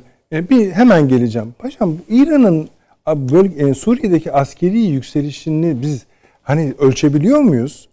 Ee, yani net olarak ölçemiyoruz ama, Ama Tugay, yani e, Şam'daki bir şeyi var. Hani etkisi var. Bu etkiyi sağlaması için oradaki fiziki varlığı ne? E tabii hem e, Şam yönetiminin hem idari politik anlamda yönetimde de etkili e, hem de e, silahlı kuvvetlerin yapılanması ve silahlı kuvvetlerin harekat planlaması dahil İran'ın kontrolü altında. E, hatta e, İran ordusuna asker alım süreci dahil olmak üzere yani Suriye ordusunun büyük ölçüde e, İran İslam devrimi ordusuna benzediğini e, bir şekilde söylemek Niye mümkün. Mesela Rusya'yı sayabiliyoruz Süleyman Hocam. Şu kadar varlığı var filan ama İran'da galiba o kadar Hizbullah, net değiliz. e, Hamas e, ve e, O yolla. İran devrim muhafızları Kasım Süleyman'ın oluşturduğu yapı e, sürekli değişkenlik gösteren bir yapı. Yani bildiğimiz anlamda kadro temelli bir yapı yok. E, Tugay ismi veriyorlar ama bir Tugay ortalama işte 1500-2000 kişi ise bunların Tugay dediği 1000 kişi veya 500 kişi e, oluşuyor. Bence burada tabii e, asıl sorun, e, en çok gündeme getirilecek sorun Türkiye şu e, muhalif ordusunu ne yapacaksınız sorusudur bence. O çözülmeden e, bu sorunların hiçbiri e, kolay kolay çözülecek gibi değil. Yani hocam bahsettiği oyunun başında e, bence bu çözülmeden ne terörle mücadele söz konusu olabilir ne karşılıklı e, Türkiye ile yakınlaşma. E, çünkü da- bu bir nükleer bomba gibi bir şey. Yani burada. E, yani taktik de değil. Bu stratejik bir nükleer e, bomba. Konuşalım. E, evet. Ee, buyurunuz hocam. E, yok yani ben vazgeçtim çünkü yani başka bir yere götürecek. Burada. Niye? Yok yok. Biraz daha. Ha, bana bana kızmadınız değil mi? Yok, Ha, hayır. yani. Tamam, peki. Ee, öyle yapalım. Ee, bir e, ha Amerika hocam. vardı. Yok Amerika'yı konuşacağız. O ayrı Ha, bir bölüm de şey şöyle e, onu size soracaktım zaten onu ekleyeyim. E, bu Amerika gezisine sadece bu boyutuyla e, nasıl yansıyabilir? Çünkü orada bunun Amerikalılar tarafından söyleneceği aşikar. Yani Suriye hamlesinin. Türkiye herhalde masaya oturduğunda Blinken'ın karşısına Sayın Çavuşoğlu bir kronoloji götürecektir. Bir kronoloji. Bunu bir kağıt olarak da verebilirsiniz. PowerPoint sunumu olarak da gösterebilirsiniz. Amerika Birleşik Devletleri'nin Obama döneminden bu yana Suriye siyasetindeki zikzaklar. Ve şu sorunun cevabı hala havadadır. Ve çok da meşru bir sorudur. Ne istiyorsunuz Suriye? Yani Amerika Birleşik Devletleri Suriye'de ne istiyor? Bu sorunun cevabını almadan Amerika Birleşik Devletleri'nin Türkiye'yi tenkit etmeye, tedip etmeye, eleştirmeye 2019 hakkı olduğunu anlaşmaları. düşünmüyorum. En fazla şunu yapabilir. Ya bak ben bunu istiyorum. Yapma böyle. Ne diyor zaten? Bizim müttefikimiz bunlar diyor. Aman ha bunlara karşı bir operasyon yapma diyor. Kime karşı müttefikin? DAEŞ'e karşı. Peki DAEŞ'e karşı en etkili çatış şeyi savaşı, mücadeleyi kim yürütüyor? Türkiye. Türk Silahlı Kuvvetleri'nden daha büyük bir darbeyi bugüne kadar DAEŞ'e vuran olmamış. Baktığınız zaman tarihçesine, geçmişe dönük olarak. O zaman sen benimle ittifak olman gerekirken ki biz ikimiz de NATO üyesiyiz. Neden sen bir terör örgütü üyesin? Bunun bir açıklaması yok. O sebeple muhtemelen şöyle bir e, karşılıklı konuşma geçecektir. Nereden biliyoruz? Çünkü bugüne kadar konuşulanların dışında bir şey olmaz herhalde. Birdenbire sürpriz bir U dönüşü yapacak değil, Amerikalılar. Yok canım, yok. İşte Sayın Çavuşoğlu lütfen ya da lütfen değil sizden bir müttefikin davranması gerektiği Aynen gibi davranmanızı söylüyorum. bekliyoruz. Bu bunlar bizim müttefikimiz sakın ha bunlara zarar verici bir hamleye girişmeyin. İki, rejim suçludur. Sakın ha rejimle oturmayın. Bizimki de herhalde şu cevabı verecek. Peki siz ne istiyorsunuz? Suriye'de ne istiyorsunuz? İki sene sonra, üç sene sonra Suriye'de nasıl bir tablo öngörüyorsunuz? Hiçbir Amerikan Dışişleri Bakanı, Amerikan Başkanı'nın bile buna cevabı yok. Ha, bence CENTCOM'un cevabı var. CENTCOM'un cevabı bölünmüş bir Suriye istiyorlar. Bölünmüş bir Irak istiyorlar.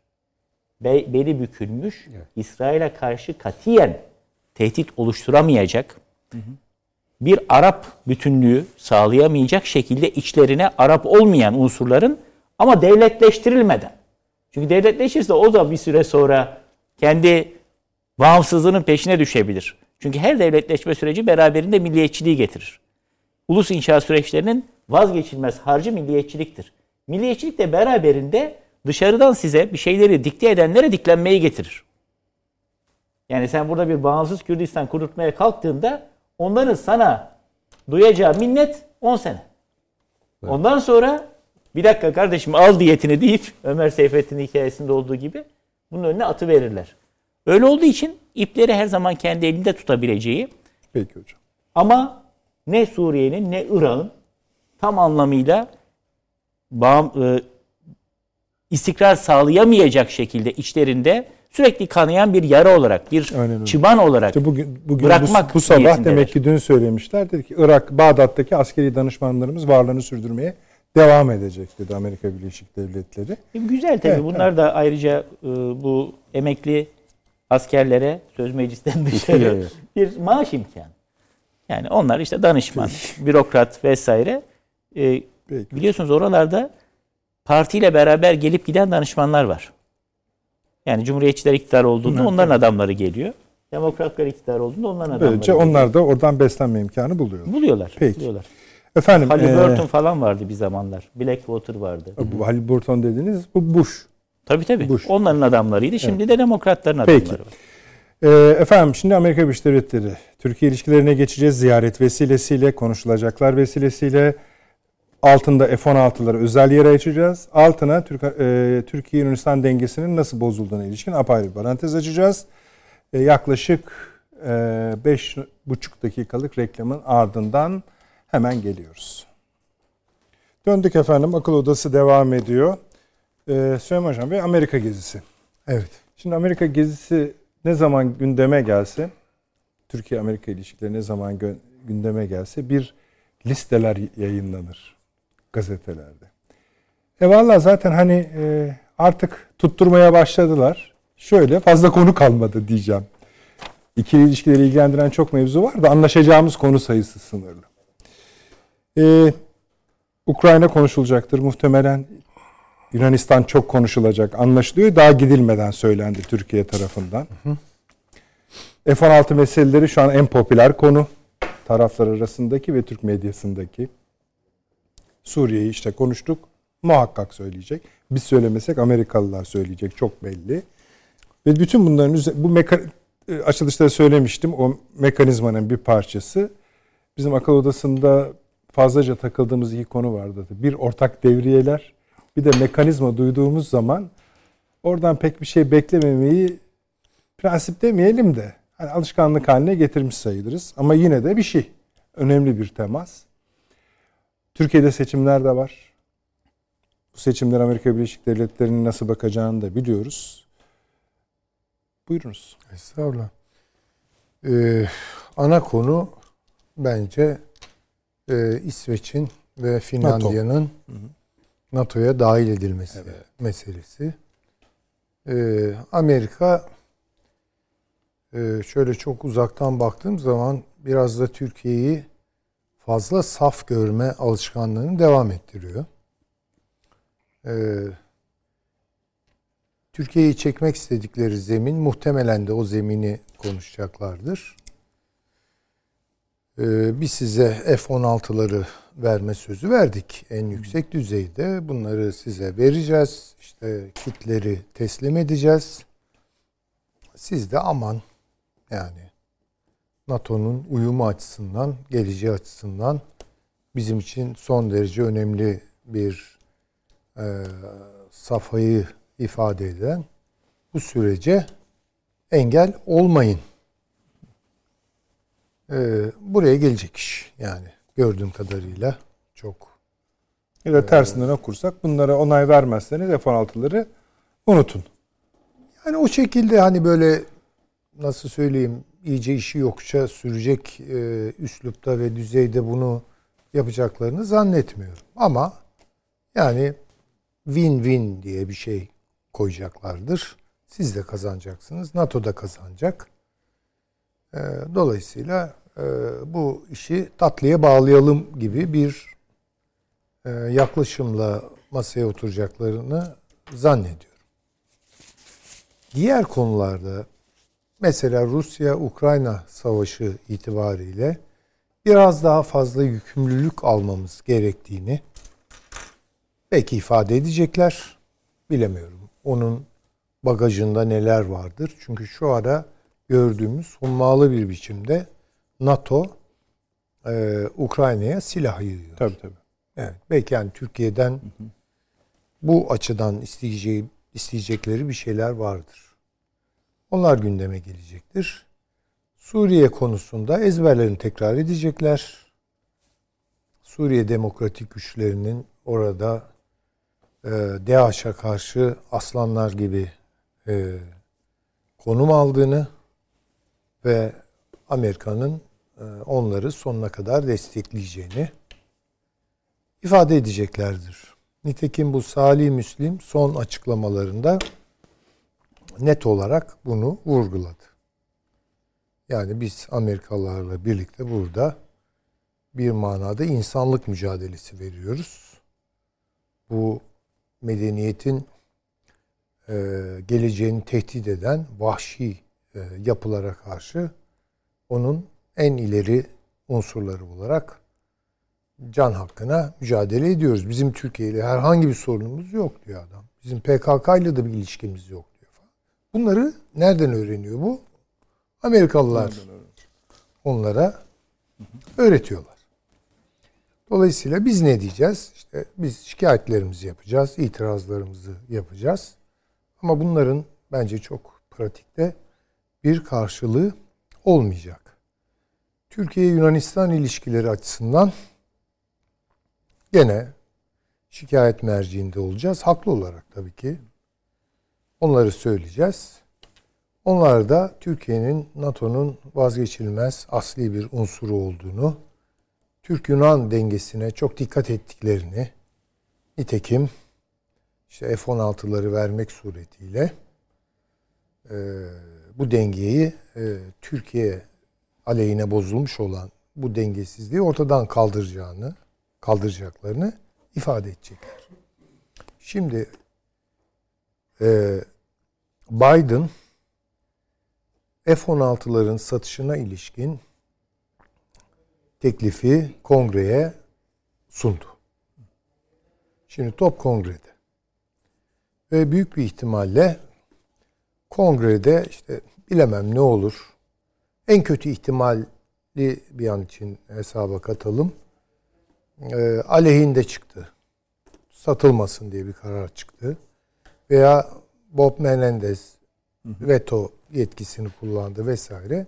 Yani son tahlilde, nihai tahlilde e, Biden Böyle bir yetkisi var. Evet. böyle bir yetkisi Bypass var. edebilir. Bypass edebilir vesaire. Yani şimdi bunu belki biraz da böyle çok güreşli, çok ayiki dolu bir şeye sokup bak işte her şeye rağmen Ben- biz ben yaptım bunu diye. Evet.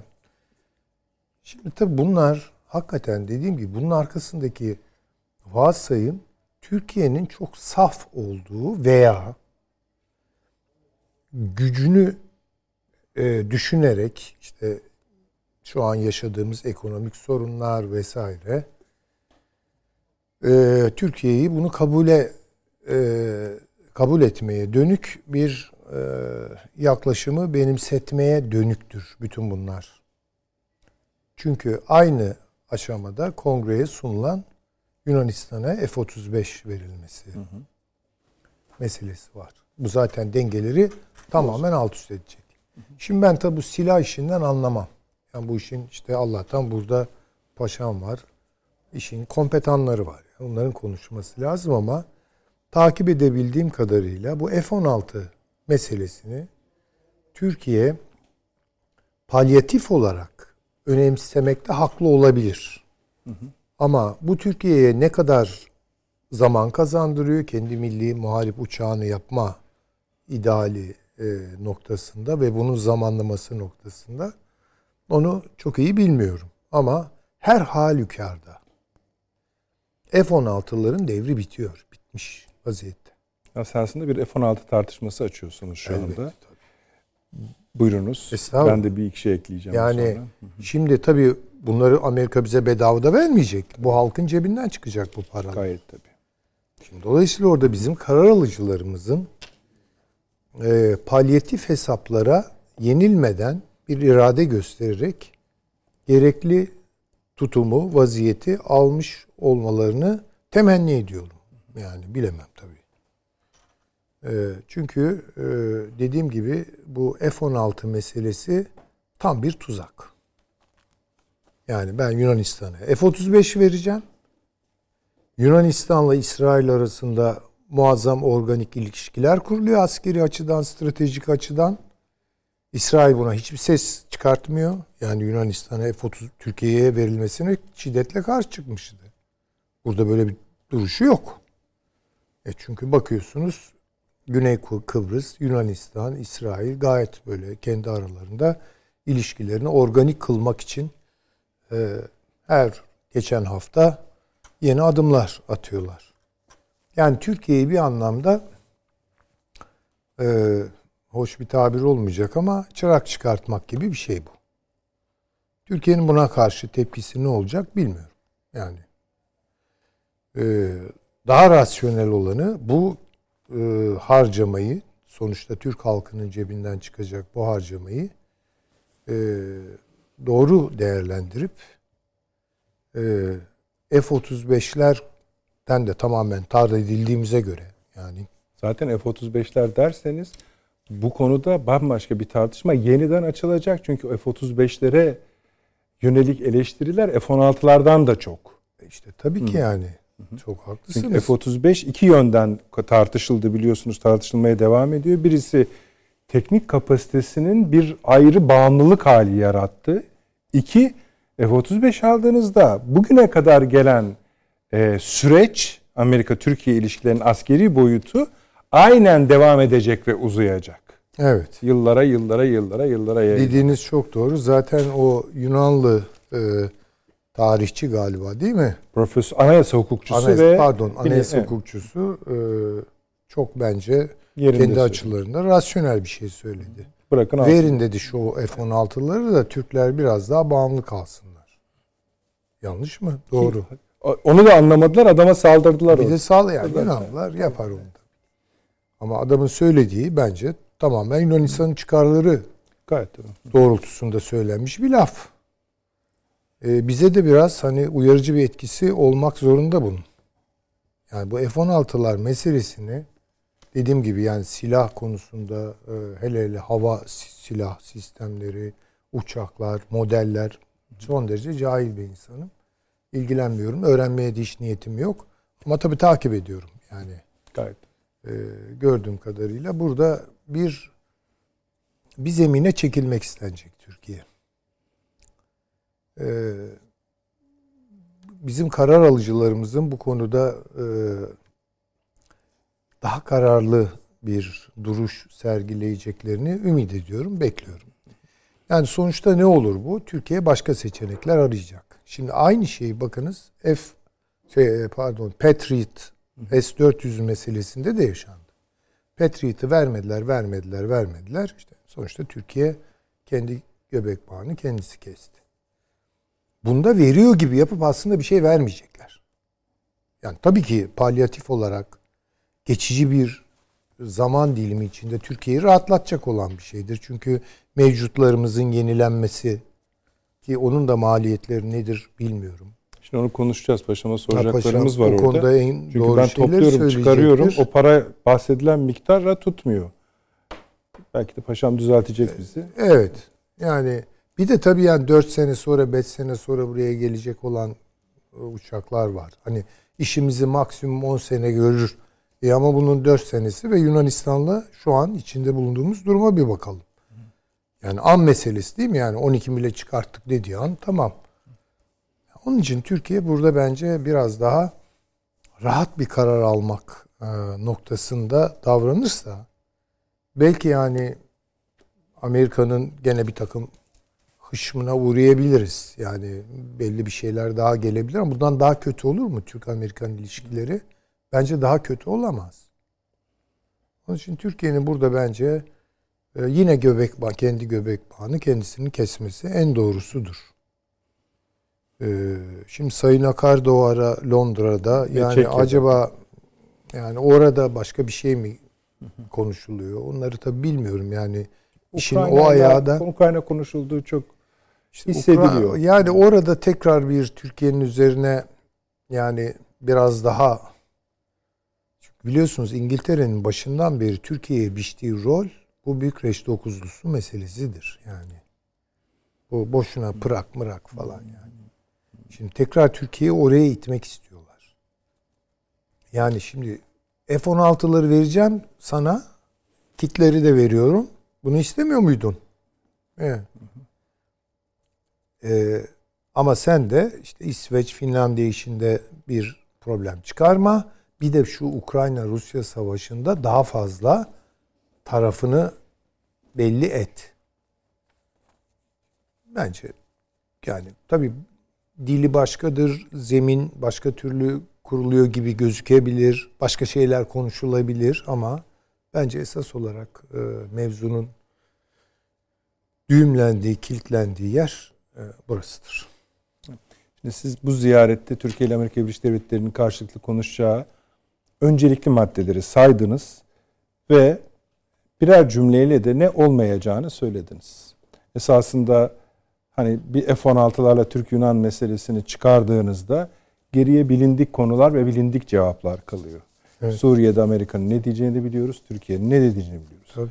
Ukrayna'da daha ileri gidip bizden baskılı bir talepte bulunup bulunmayacakları konusunda şüpheliyiz. Çünkü bütün mesela The Economist yazdı. Yani bir nötr pozisyonu koruyor Türkiye. Kimse de fazla bir şey beklemesin. Türkiye artık başka bir yerde. Yani bir aks olarak tarif etmiyor da ayağını başka bir zemine basıyor ve ağırlık merkezi bizim tahmin ettiğimizden farklıdır. Tabii, tabii. Ağırlık merkezi de ilginç bir laf biliyorsunuz. Denge merkezidir esasında. Kolay kolay hani sağa sola oynatamazsınız anlamında kullanılır. Böyle tarif ediyorlar. Şimdi Türkiye'yi Ukrayna konusunda daha ileri itmek için yapacakları şeyin ben ters tepeceğini düşünürüm. Ee, keza F-16'lar konusunda da o sizin bahsettiğiniz diplomatik dili açtıkları anda Türkiye'nin de ben e, olumlu cevap vereceğini düşünmüyorum. Ama e, işte şimdi şuna bakmamız gerekiyor bu bütün Avrupa'daki oluk gibi silah akıtılmaya başlanmış olması Ukrayna'ya. Ee, e, bilmiyorum Çağrı Hocam takip edebildi mi? Sayın İbrahim Kalın'ın yabancı gazetecilerle yaptığı bir görüşme var. Orada söyledikleri o da ilginçtir. Buradan da söyleyelim izleyicilerimize. Yani o konuşmanın bütünü Türk basınında hiç görülmedi. Çok ilginç. Sadece ana başlıkları verildi ama satırlarına bakıldığınızda gayet iyi yorumlar var. Mesela artık hani ee, Ukrayna'nın bu şekilde yani ben mealen söylüyorum cümle içinde değil. Yani tam hedefine ulaşamayacağı, Rusya'nın hala güçlü olduğu vesaire vesaire yorumlar var. E mesela onlar neden kullanılmadı bilmiyorum merak ediyorum. Ee, yabancı basında yer aldı mı? Yabancı yani basında onu içeriği için değil, verdiler, için söylemiş. Verdiler. E tamam maksat hasıl olmuş o zaman. Peki. Ee, ama biz yine duymak isteriz. ee, bizi yönetenlerin neler söylediklerini. Ee, bu haliyle basit bir ilişki gibi. Yani basitten kastım küçümsemek anlamında söylemiyorum. Hani kabalıklar alınmış. Artık nereye varacağı, nereye varmayacağı konusunda bir kestirmeye ulaşılmış gibi gözüküyor. Ancak Yunanistan konusunda Sayın Dışişleri Bakanı'nın söylediği bir boyut var. Bu denge meselesi herhalde şu 7'ye 10'luk şeye mi atıf yapıyor bilmiyorum ama bozulalı çok olmadı mı? Çok oldu. Hatta bu bozulmayı aşıp Tersine döndü. Tersine özellikle hava tehlikeli yere de geldi. Yani burada evet, sınır çekmeyi de konuştuk biz. Batı'nın bittiği yer olarak da konuştuk. Evet. Hiçbiri de bugüne kadar çürütülmedi. Yani işte şimdi şu var benim gördüğüm bir de Doğu Akdeniz'de daha çok profil göstermeye başladı Amerika. Evet. Yani Libya, evet evet. E, efendim söyleyeyim Suriye ve daha yukarıda Kafkasya'ya doğru. Yani orada da Ermenistan. Şimdi Türkiye'nin bütün bu sorunlarda Libya'da, Suriye'de ve e, Ermenistan meselesinde pozisyonunu istediği koordinatlara oturtmak için bir takım telkinlerde bulunacaklarını tahmin ediyorum. Bu telkinlerin bir kısmı Türkiye'nin izlediği siyasetlerle bitişebilir, çok azı. Mesela Libya biraz bu konuda ilginç bir e, özellik gösteriyor. Ama pek çoğunda bunlar da pek uyuşmayacak. Yani Türkiye tabii şimdi önümüzde seçimler var. Böyle çok radikal, dramatik bir karar hemen alınmayabilir. Ama benim gördüğüm kadarıyla 2023, 2024 e, yaşarsak göreceğiz. E, Türkiye artık e, kendine bir yeni ileri bir laf edeceğim ama etmeden de yapamıyorum. Gönlüm razı değil. Evet, yeni bir doktrin kurmak zorunda. yeni bir harici doktrin inşa etmek zorunda. Yani çünkü gitmiyor. Gitmiyor. Yani hani bir yerde işler bozulur da başka bir yerde telafi edilir veya başka bir yerde size bir takım kazanımlar sağlar. Hani dersiniz ki yani işte sonuçta kurallı bir güreş yani gücümüz nispetinde elde edeceğimiz şeyler hala var. Batı cephesinde. Ama öyle değil. Yani bunu görmemek için artık ya ama bu dediğim gibi şikayet meselesi olmaktan çıkarılmalı. Çünkü Türkiye'de benim gördüğüm kadarıyla yaygın söylem şu. Ya bu Batı bize bunu niye yapıyor? Ya Batı şimdi burada tabii müthiş olumsuzlayıcı cümleler falan arka arkaya geliyor yani. Batı bizi sattı. Batı bizi arkadan vurdu. Batı şunu yaptı, Batı bunu yaptı. E tamam. Ya hala içinde bir umut var mı Batı'nın bir gün seni kucaklayacağına dair? İşte o birinci cümle var ya Batı bunu bize niye yapıyor cümlesi o açık kapıyı bırakıyor işte. İşte ha bravo. O şikayet söylemi bizim siyasi kültürümüzde, toplumsal kültürümüzde de çok farklı okunmalıdır. Bir insan bir, bir şeyden şikayet ediyorsa o şikayet söylemi şikayet ettiğinden şikayet edeni koparan bir şey değildir. Tam tersine daha fazla bağlayan bir şeydir. Şimdi bırakalım bu şikayet edebiyatını falan. Yani Türkiye bir karar verecek. Şimdi bunu kabul mü edeceğiz biz? Aa ne güzel F-16'ları veriyorlar bize. Bak işte Amerika hatta yani meclise rağmen Biden inisiyatif aldı. Ya o Biden değil mi bana Yorgo Bidenopoulos diye, deyin diyen adam? Bütün hayatı boyunca Yunanistan'ın çıkarına çalışan bir adam değil mi? Ermeni Ermeni e, diasporasının elinde kullandığı bir siyasi aparat değil mi bu adam? Şimdi bunu bile işte böyle birden hani nefret aşk ilişkisi gibi savrulmalar vardır ya hayatta. İşte bu savrulmalara e, artık Türkiye'nin yani önümüzdeki Cumhuriyet'in 100. senesini idrak edeceğiz falan bir çeki düzen vermesi lazım. Yani böyle şikayet sonra da sarılma, öpüşme falan. Sokak kavgalarında falan da olur. Yani yumruk yumruğa girerler sonra sarılırlar. Böyle bir şey yok. Çünkü düzenli işleyen bir şey var. Yani Batı biz onu ne kadar sevsek de ne kadar benimsemiş olsak da Türkiye'yi artık taşımak istemiyor. Daha nasıl görülür yani bu? Neresinden tutacağız yani? Buraya yansıyor. Şimdi bu F-16'ları bize veriyorlar. O ne güzel şimdi zil takıp oyna. Ama Yunanistan'a F-35'i veriyor.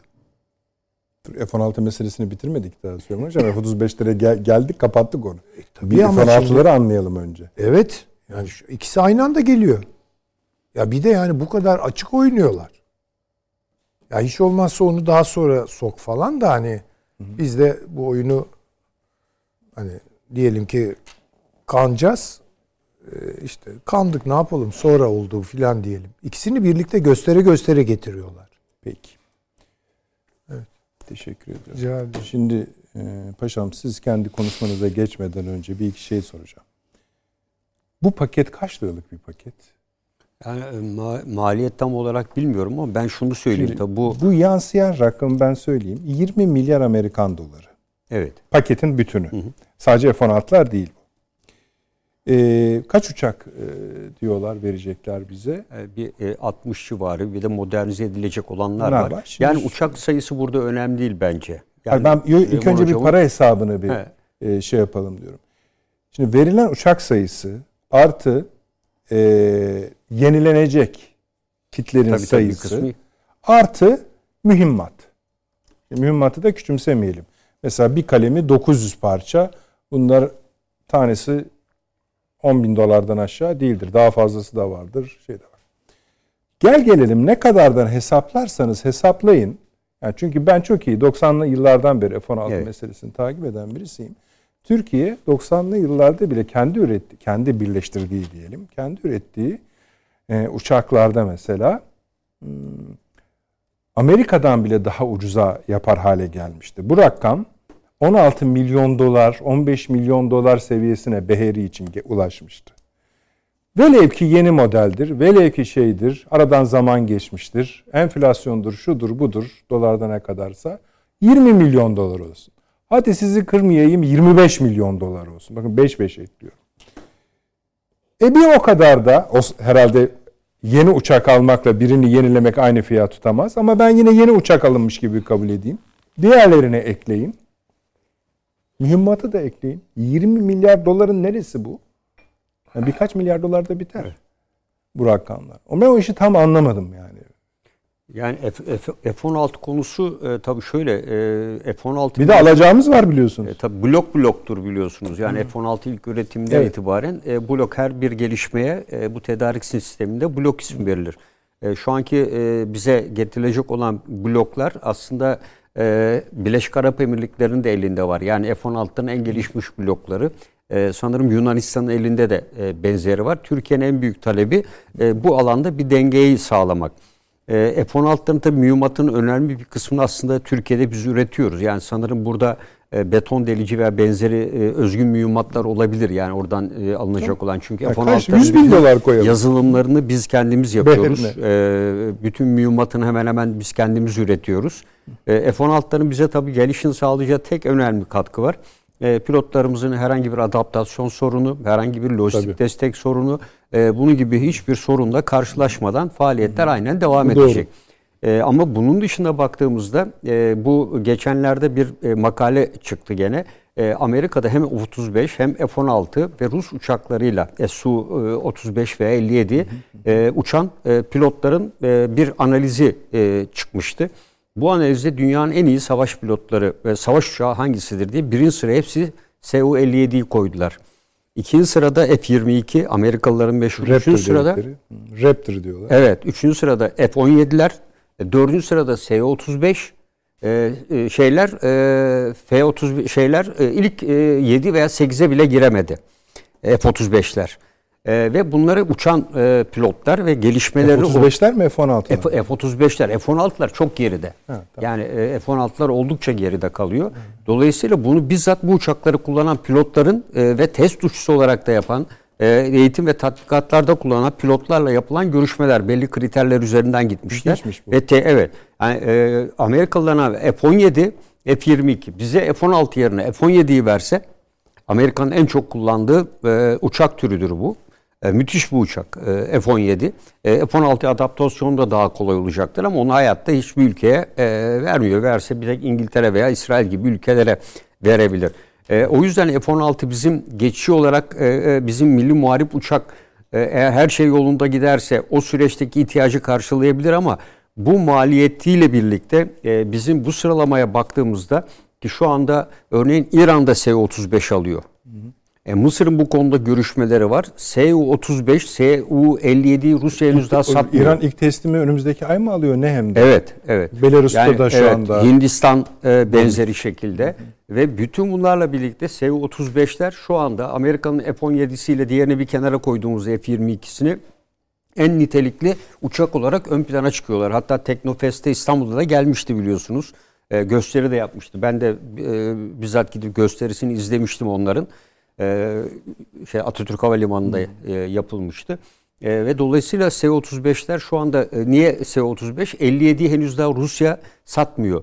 İkincisi daha gelişimi devam ediyor. Bunun testlerini Rusya Suriye'de çok yaptı. Ukrayna'da e, direkt harekat alanında kullanmıyor. Daha henüz bunlar e, önemli silahlar ve şu anki veriler de tam gelişim bittiğinde de e, ilk sıraya oturacak e, gibi görünüyor.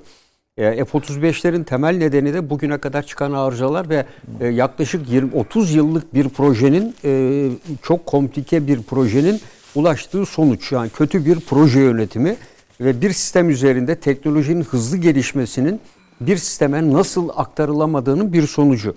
Dolayısıyla Türkiye F-16 alsa bile dedim ki bu adaptasyonu sağlar. Silahlı kuvvetlerde harekat doktrini hiçbir şekilde etkilemez e, eğitim sistemi vesairesi bir blok Büyük halinde zaman devam eder. kazancı. E, Ona bir şey ama e, bu uçağın nitelikleriyle yani bunu blok olarak blok 80 diyelim en üst kategoriye getirseniz bile bu zaman dilimi dikkate aldığınızda ki bir de bunların hepsi e, blokları modernize etseniz bile Türkiye'de yapalım e, yapacağız muhtemelen. E, diğerlerinin e, üretilip bireye gelmesi e, epey bir zaman dilimi içinde yer alacak. E, şimdi bir yandan bizim milli muharip uçak üretildiğini kabul edelim. Bir yandan F-16'lar geliyor. Mesela belli bir sayıda uçağa peşin vermeyecek mi? Yani öyle bir e, eğer verecekse ikinci el falan verecektir. Yani e, hiçbir uçak firması elinde e, hazır ben 10 tane uçak ürettim demez. Yani o firma sipariş yüzüne gider. Mesela Fransızlar 5 tane Rafael verdiler e, Yunanistan'a. 18 Rafael alıyordu. 5'ini verdiler. 5'i ellerinde vardı onların. Yani ya başka bir ülkeye mi satacaklardı? Muhtemelen e, Avustralya olabilir. Yani o süreç içerisinde. Onunla e, biliyorsun savunma işbirliği anlaşmaları Evet, evet. bozuldu. Amerikalıların nükleer başlık denizaltı üretimini ellerinden kapmasıyla öyle bir süreç oldu. Rafael'ler boşa çıktı o süreç içinde. Öyle hatırlıyorum. E, dolayısıyla onu verdi ama hiçbir ülkede bir tek Amerika bunu 2. Dünya Savaşı sonrası yapmıştır. Bütün kullanılmış e, F-16'ları e, veya işte o zamanki e, uçakları veya tankları e, Marshall yardımıyla e, vesaireyle e, ülkelere düşük kredilerle FMS kredileriyle ülkelere verdi. Ama arkasından bunun yedek parçasıyla, mühimmatıyla bütün bu ülkeleri kendisine bağlı hale getirdi.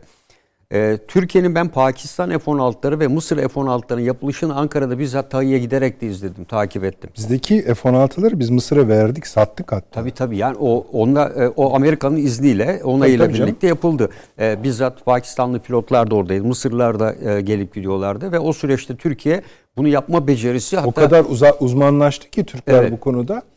Ee, sıfır hatalı F-16'lar üretmeye başladı. Amerika'da bile çok nadir üretilebilen. Türkiye bu konuda ilk merkez haline geldi zaten. Yani bu e, firmanın en kaliteli e, ve sıfır hataya yakın uçak üretim ve blok seviyeleri yapan merkezi haline geldi. Ama işte 90'ları konuşuyoruz hala. Yani bu e, şeye kadar gitti. Bunun için de diyorum ya Genelkurmay'da bir F-16 modernizasyon daire başkanlığı vardı, kuruluydu. E, bu daire başkanlığı sanırım 2008'de ben de Milli Savunma Bakanlığı o tarihte kapatıldı. E, daha veya şube haline veya kısım haline getirilmiş olabilir sonradan. Bu mesela bütün bu sistemleri sevk ediyordu. Bütün geliş gidişler, alışlar, malzeme parçalarını şu an öyle bir yapı da yok. Mutlaka öyle bir yapı da kurulacaktır. Çünkü bu farklı bir sistem. Ama benim e, tercihim F-16 olmazdı. Yani burada e, Türkiye eğer S-400'ü almışsa e, bunu geri iade etmediğine göre e, şu anda e, F-16'ların hemen ötesinde şunu net görebiliyor muyuz? Yani biz milli muharip uçağı e, evet F-16'lar gelip tamamen iki yıl içerisinde e, semamızda uçuracağız. Şu anda Hürkuş uçuyor örneğin. E, sınırlarda e, e, güvenlik e, maksadıyla alçak e, uçuşlar yapabiliyor. Ama bu milli muharip uçağın e, devreye girmesiyle birlikte F-16'ların gelişi bize ciddi bir katkı sağlayabilir. Ama e, bu süreç içerisinde bizim ertesi gün bir Türk-Yunan savaşı yani F-35'ler eğer Yunanistan'a söylenildiği gibi verilirse Yunanistan'ın en çok yatırım yaptığı şey nedir? Hava gücüdür. Çünkü Türkiye'yi e, Ege bölgesinde kara ve deniz gücünde geçmesi mümkün gözükmüyor. Bu yüzden de yatırımını ve e, bütün savunma doktrininde hava harekatı üzerine kurgulamış durumda. F-35'ler Yunanistan'a ciddi bir Ege'de e, üstünlük sağlayacaktır. Dolayısıyla bizim tek başına e, F-16'yı bu bölgede almamız ve üstelik de bunu zamana yayarak bir de o tarihe kadar 18 tane Rafael olacak e, Yunanistan daha kısa zaman içinde. Yunanistan bariz bir hava üstünlüğü elde etmiş olacak. E, ve süratli bir şekilde bir arayış içerisine girerek bu Amerika Birleşik Devletleri'nin ne yaptırım yaparsa yapsın gene yapacaktır. Bizim SU-35 üzerine Türkiye'nin hep bekası diyoruz ya e, Türkiye'nin e, bekasını en çok tehdit eden e, unsur batıdan geliyor. E, Yunanistan'dan geliyor. Onlar doğudan geliyor diyor ya biz de batıdan e, e, geldiğini iddia söyleyebiliriz. E, o yüzden de SU-35 üzerine Türkiye'nin yönelmesi gerektiğini ve geç de kaldığını ben e, düşünüyorum. E, bu ne yaptırım gelirse gelsin. Hocama katılıyorum. Türkiye e, bunun ötesinde bir şey yapılırsa kendi doktrinini seçim sonrası artık kuracaktır. E, ve e, Batı ile ilişik devam eder mi etmez mi e, hangi kontrollü müdür gider ona artık karar e, verilecektir. Bence e, özellikle e, geleceğin e, hava harekatı içinde biz söz sahibi olmak istiyorsak F-35'ler evet bu boşluğu e, aksak da olsa kapatacaktı ama e, böyle bir aksaklık oldu. E, belki birkaç filo halinde evet bu lojistik sistemde pilot eğitiminde falan e, bir takım sıkıntılar yaratabilir ama e, pilotlarımız bizim dünyanın en tecrübeli e, savaş pilotları. Hem e, sürekli olarak e, hava harekatıyla hem Kuzey Irak olsun, Suriye olsun, Ege'de olsun dünyada bu kadar aktif olan bir ülke yok. O yüzden çok kısa zaman dilimi içinde de adapte olacaklarını düşünüyorum. Ha, bu entegre olur olmaz. Olmazsa olmasın yani onunla ilgili yapacak bir şey yok. Ee, ama Türkiye'nin kendi bekası dediğimizde biz Amerika'nın efendim bunu versin mi vermesin mi çok ciddi bir zaman kaybettiğimizi düşünüyorum. Ee, bunu süratle çözmemiz gerekiyor. Ee, Peki. Burada peki Amerika'da heh, görüşmede ona ise gelecektim. e, Sayın e, Çavuşoğlu'nun yanında Genelkurmay Başkanı vardı. E, Genelkurmay Başkanı varlığı şunu gösteriyor. Yani Giderken sadece- yani seyahat yanında tabii otururken de mesela Blinken'la görüşmeye giderken de hemen arkasında Genelkurmay Başkanı vardı. Şimdi kimlerin gittiğine baktığınız zaman konuların neler olduğunu ifade edebiliyoruz. E, bu takdirde yani olay elbette hava kuvvetlerinden ilgili yerlerden personelde F-16 o- konusu görüşüleceği net bir şekilde belli. Ama ben asıl olarak Amerika özellikle Rusya'daki Gerasimov'un e, Ukrayna kuvvetlerinin başına getirilmesini, dün Shoigu'nun e, Ukrayna bölgesindeki kuvvetleri Denetleme- denetlemesini e, ve bütün bunları dikkate aldığımızda e, ve birliklerin yapılanmalarında bir, bir takım hareketlenmeler var. Şu anda Solat denilen bir kuzeyde bir bölge var. Bu bölgeyi ele geçiriyorlar. Tuz bölgesi. Yani Rusça tuz anlamına geliyor. Koridorları falan, evet. Evet. Oraya geçirdikleri anda kuzeye ve batıya doğru ilerleme imkanı. Şu an oraya müthiş yoğunlaşmış durumdalar. Burayı geçirdikleri takdirde batıya ve güneye doğru tekrar her son tarafına doğru inme imkanları kavuşacak. Dolayısıyla Dnieper Nehri'ni biz buna askeri harekatta köprübaşı deriz. Bir köprübaşı süratle elde ederek harekatı Dnieper Nehri'nin batısına aktarmak istiyorlar. Ve bu harekat giderek hız kazanacağını düşünüyor. Bu yüzden Amerika acele e, et- ediyor. Yani bir an önce Türkiye'nin özellikle daha önce de belirtmiştim. Finlandiya ve İsveç'in NATO harekat planları içerisine bunlar dahil ettiler. Şu anda onlar plandalar resmen üye olmasalar da. Fakat resmi olarak üye olmadıkları için harekat planının bir anlamı kalmıyor. E, ve süratle Türkiye'den bence F-16 vesaire birinci önceliği e, hocam da belirttiği gibi derhal bunları üye e, olarak onaylanmasını talep edeceklerdir. Yani birinci konu sizin için Birinci de konu bu. Çünkü e, Rusya e, hızlanıyor. Amerika Birleşik Devletleri evet geçen söyledik bir sürü silah yardımı 3.8 milyar dolar mıydı öyle e, bir sürü Bradley zırhları vesaire falan veriyor. Polonya hareketleniyor, yeni Tugaylar kuruyor Herkes- vesaire. Evet, E, Almanya'ya, Polonya baskı yapıyor. Beyaz e, Rusya. bu- Beyaz Belar, Peki, Belarus'a e, Rus evet. uçakları inmeye başladı. Bir tatbikat vesilesiyle Polonya'nın bugün açıklaması var. Türkiye ile her türlü şeye hazırız, ortak işbirliğine hazırız. Mesela bizden bir şey talep etmediği için 1.3 trilyon euro tar- e, istiyor ya Almanya'dan hocam. Fakat bunların içinde bir şey var. Belki sizin ilginizi çekebilir. Unutmayın ne olur Evet. paşam çok güzel e, anlatıyorsunuz. Ben de hızlıca bulayım, bulayım onu. Hı.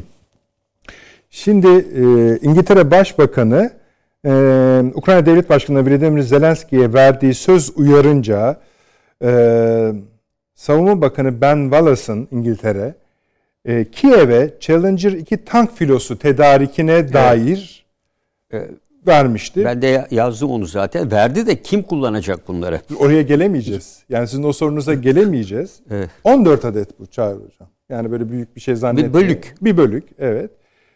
Bu sırada e, İngiltere Genelkurmay Başkanlığı kendi birliklerine bir açıklama yayınlıyor.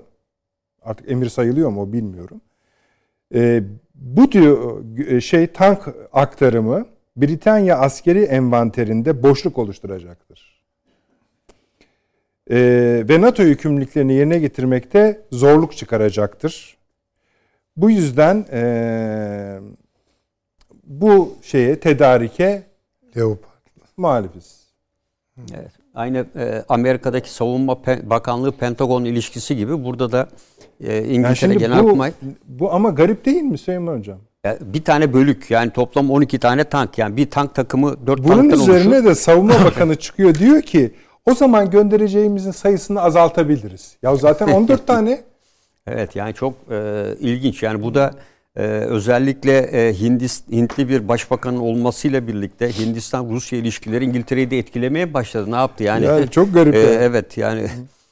E, bu da bunda- bir şey yani spekülatif bir şey değil yani zaten şeyin sitesinde duruyor.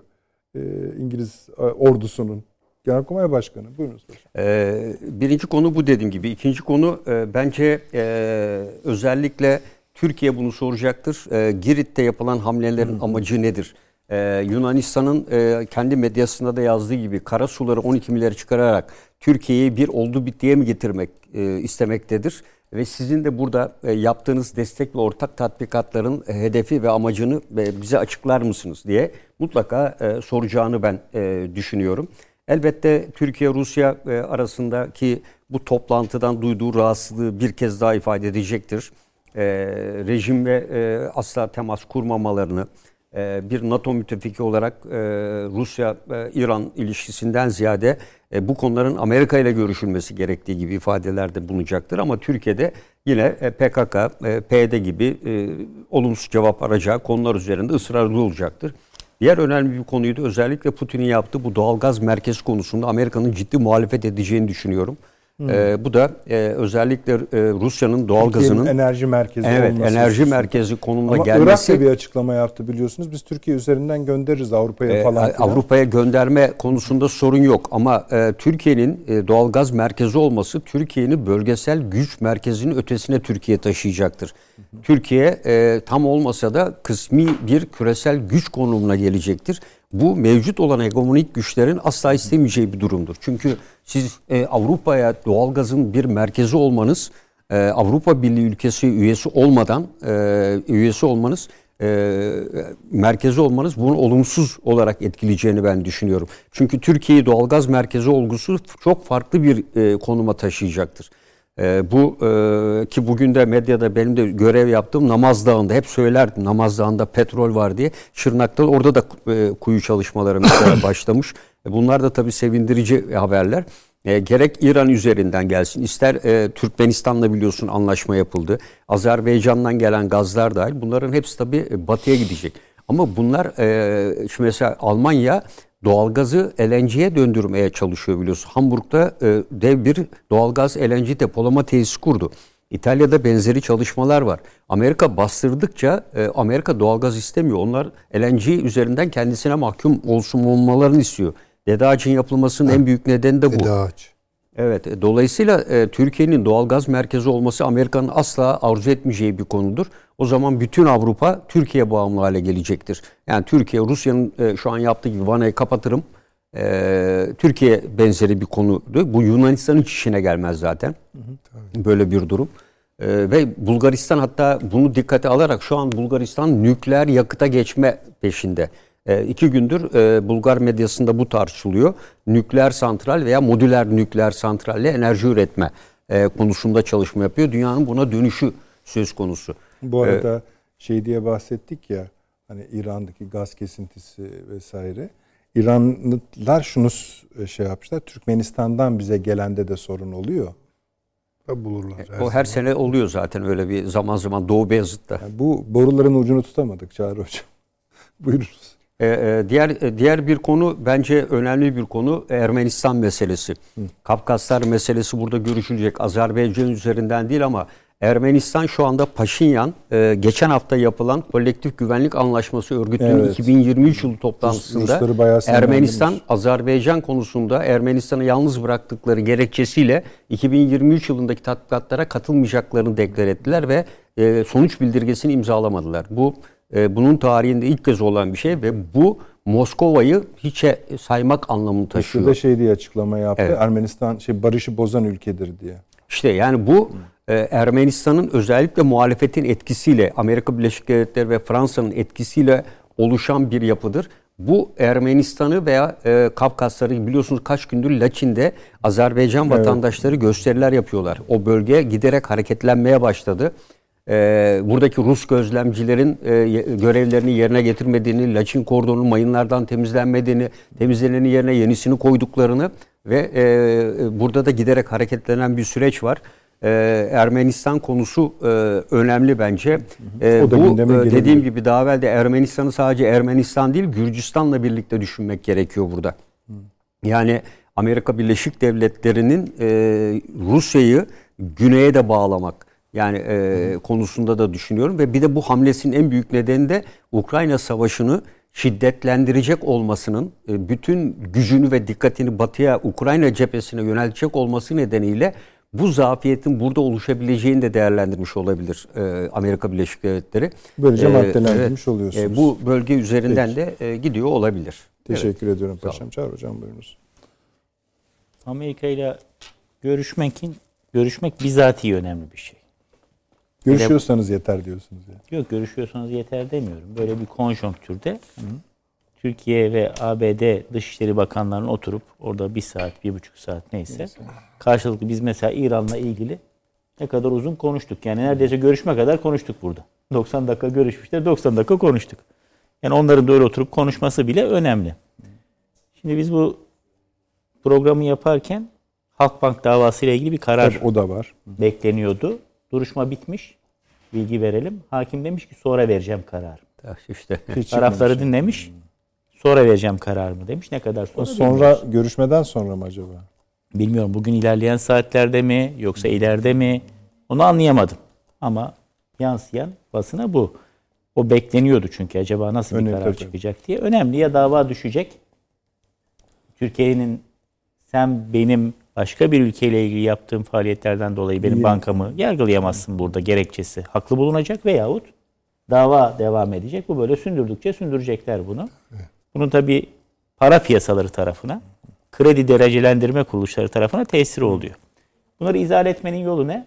İki ülke arasında diyalog olduğunu göstermek. Hatırlayın iki yıl evvel e, NATO zirvesi esnasında Türkiye ile Yunanistan, Türkiye ile ABD arasında bir üçlü mekanizma kurulmasına karar verilmişti. Bu üçlü mekanizmanın üç tane bacağı vardı. İstihbarat, Savunma Bakanları ve Dışişleri Bakanları. Savunma Bakanları görüştüler. İstihbarat bence her gün görüşüyor zaten. Dışişleri Bakanları görüşecek şimdi.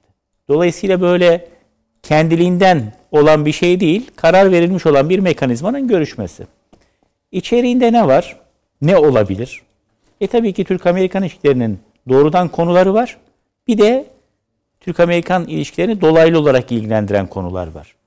Ben burada sayıldığı için sadece tek tek sayıp geçeyim hatırlatma babında. Ermenistan meselesi de var elbette. Suriye konusu da var elbette. Türkiye'nin Rusya siyaseti de var elbette. Bunların hepsi var. Onlara ekleyeceğim hiçbir şey yok. Türk-Amerikan işlerinin ikili konularına geldiğimizde en önemli konu aslında karşılıklı güven bunalımı. Bunu Biden dönemiyle sınırlandırmayalım. Daha geriye gidelim. Bu aslında 20 yılın, Öykü. 25 yılın bir öyküsü. 1 Mart tezkeresiyle başlayan daha evveli de var tabi. Yani biz Kıbrıs Johnson ambargosu, mektubuna kadar. Johnson mektubu. Yani aslında ne kadar güvendi ki? Ama aralıkları sık, yani sıklaşan süreç sizin dediğiniz Ondan 20 sonra 20 sıklaşan süreç değil, daimi hale hale gelen. Doza, dozajı artarak devam eden. Şimdi Türk halkına anket yapıldığında soruluyor. Siz aşağıdaki ülkelerden hangisinden tehdit algılıyorsunuz? Birinci sırada Yunanistan, Ermenistan yok. Birinci sırada ABD var. Bu il- ilginç. Yani herhalde yıllardır ama böyle. Tabii tabii değişmiyor. Çok ciddi bir endişe duyuluyor ABD'den. Ve artıyor da. Ee, bir takım somut gerekçeleri olduğunu da deminden beri konuşuyoruz Suriye'nin kuzeyinde neler yaptığıyla ilgili. Dolayısıyla bu endişenin haklı gerekçeleri varken artık herhalde Türkiye'nin ABD ile minör konuları değil majör konuları konuşması gerekiyor. Ha bu da Dışişleri Bakanları seviyesinde olmaz. O devlet başkanları seviyesinde olur. Ha Biden'la olur mu? Bilmiyorum. Çünkü Biden'ın da durumu tam belli değil ne olacağı. İşte garajından, şurasından, burasından Çok gizli önemli. belgeler Çok çıkan ve önemli. hakkında belki de gerçekten bir soruşturma Evet, evet. başlatılabilecek bir başkandan söz ediyoruz. Ve şunu söyle çok özür dilerim girmeyeceğiz o konuya. O belgelerin bugün iki büyük basın kuruluşu kaynaklarını atıf yaparak Ukrayna belgeleri olduğunu. E şimdi adamın bir de oğlu oralarda iş yaptığı Tabii için tabii o döneme ait Ukrayna yani Trump haklı çıkartırcasına biliyorsunuz bu Biden'ın oğlu Tabii, oralarda iş iş, yapıyordu. İş takipçiliği yapıyordu. Karşılığında da Ukrayna finans kuruluşlarında çok ciddi maaşlarla görev almıştı. Danışmanlık yapmıştı yani. O yüzden e, biraz kafa karıştırıcı bir hadiseyle karşı karşıyayız. Bir de ara seçimlerde geçti. Artık Amerika Birleşik Devletleri'nde Ara seçim. başkanlık seçim kim aday olacak sürecine Süreçleri. girildi. Nedir majör konu? Majör konunun adını az önce Süleyman Seyfi hocam koydu. Ne yapacağız biz bu Amerika'yla? Dünya ne yapacak bu Amerika'yla?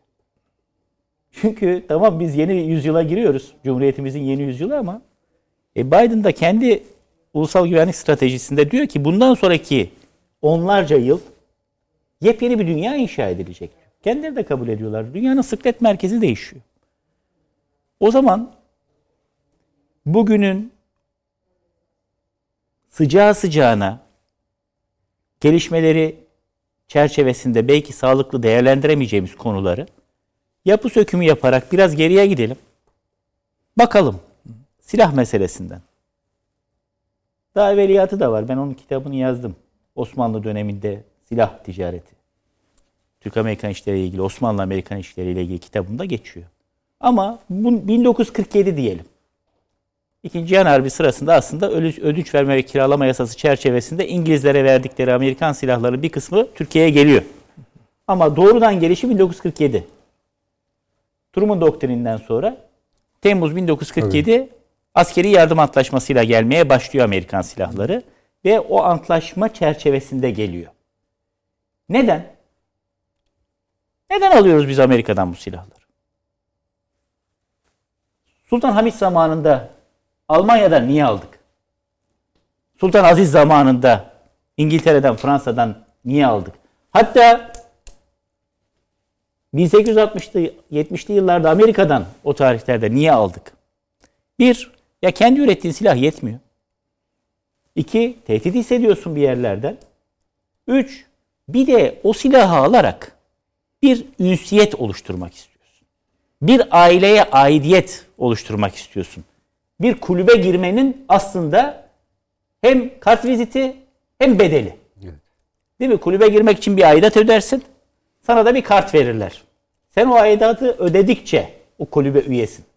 Şimdi sen o Amerikan silahını alarak bedava vermiyor. Bir kısmını bedava veriyor. Hibe. Ama onu da öyle bir veriyor ki onun yan sanayinin maliyeti zaten verdiği hibenin maliyetinin kat be kat üstü. Şarta bağlıyor. Diyor ki ben sana bunu vereceğim ama sen de bunları üretmene gerek yok. Ya da zaten onu Amerika'nın demesine gerek yok. Senden bir aklı evvel çıkıyor. Ya arkadaş sen bunları üretme, rekabete aç. Sen bunları niye destekliyorsun ya? Daha ucuzu var dışarıdan aldığı veriyor. Senden de var o çıkan aklı evveller. Bugün de çıkıyor onlar. Şimdi Amerika Birleşik Devletleri sadece Türkiye'ye değil. O dönem NATO üyesi ülkeler. Bir süre sonra Güney Kore, işte bir süre sonra Japonya, Batı Almanya, bir süre sonra bazı Latin Amerika ülkeleri, hepsi değil ama işte Brezilya, Arjantin, Şili, özellikle Pinochet zamanında. Yavaş yavaş bunlara silah satmak suretiyle bir takım şeyler amaçladı. Ne amaçlamış olabilir? Bu sadece Amerika özelinde değil bir ülke bir başka ülkeye silah satarak ne amaçlar? Türkiye'de mesela bir ülkeye silah sattığında ne amaçlar? Sonuncudan başlayalım. En az önemli olanı para kazanmak tabii.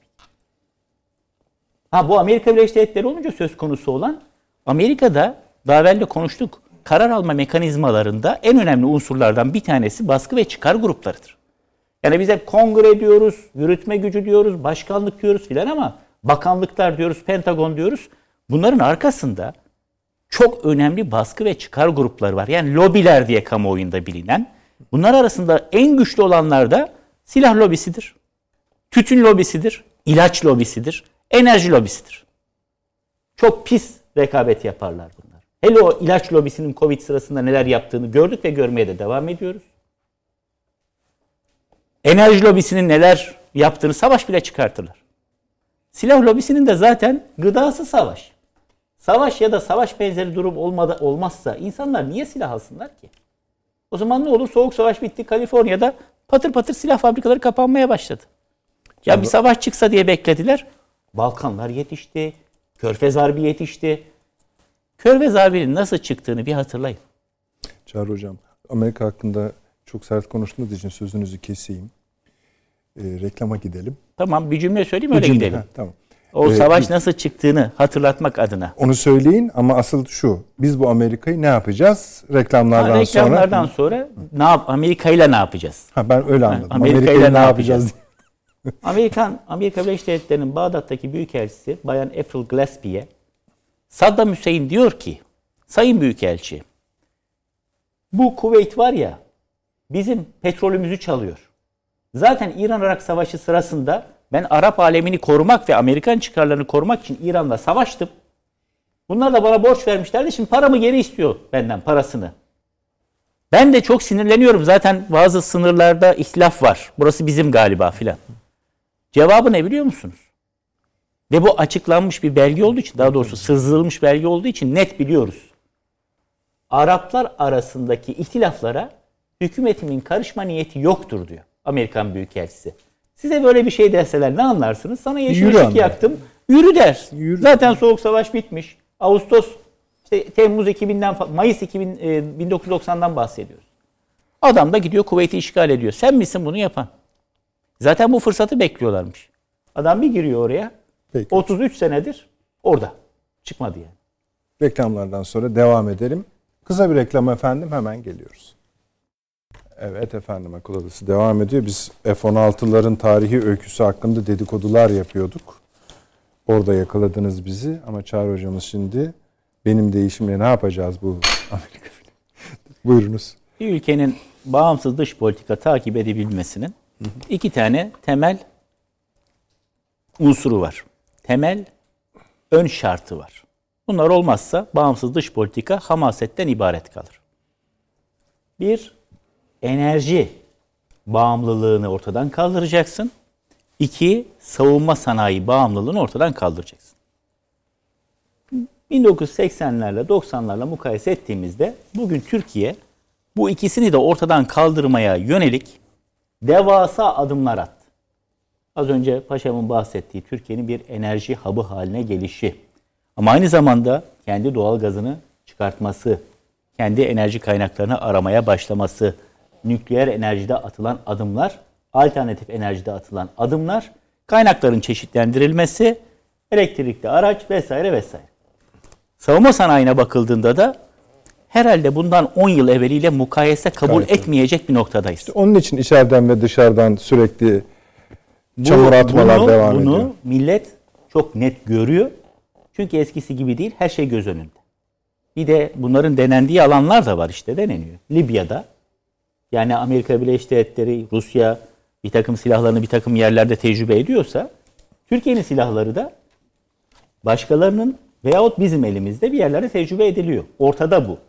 Ve milli savunma sanayinin gelişiminde olağanüstü bir hamle. Yani bu öyle doğrusal falan değil. Geometrik bir hamle yaşanıyor. Hatta hocam şeyde Libya'da biliyorsunuz Pansir vardı. Rusların hava savunma sistemi bizim İHA'lar karşısında Pansirleri imha ettiği için Ruslar e, bütün birlikleri Türk İHA'larına karşı hava savunma eğitimi Sanırım yapmışlardı. Karabağ'da da benzeri bir Evet, durum evet, olmuştu. evet, evet. Ermenilerin pansirlerinden birkaç evet, tanesi evet. imha, imha edilmişti. edilmişti. Evet. Ee, çünkü onlar da Rus silahları kullanıyorlardı. Amerika Birleşik Devletleri ne ister Türkiye'ye silah satarak? Bir dedik para kazanmak ama bu en küçüğü. Yani efendim ben para Evet, kazanacağım. Benim şirket önemsiz değil. Zamanında bir Amerikan gazetesi hangi ülkede hangi bürokrata ne kadar rüşvet verildiğini ifşa etti. 80'li yıllarda ve 80'lerin başında özellikle darbe dönemi açıkça söyleyelim. Yani o juntanın bir takım elemanlarının bir takım akrabalarının havadan sorumlu junta mensuplarının akrabalarının hangi alışverişlerde nasıl yer aldığı dava konusu oldu. Amerika Birleşik Devletleri.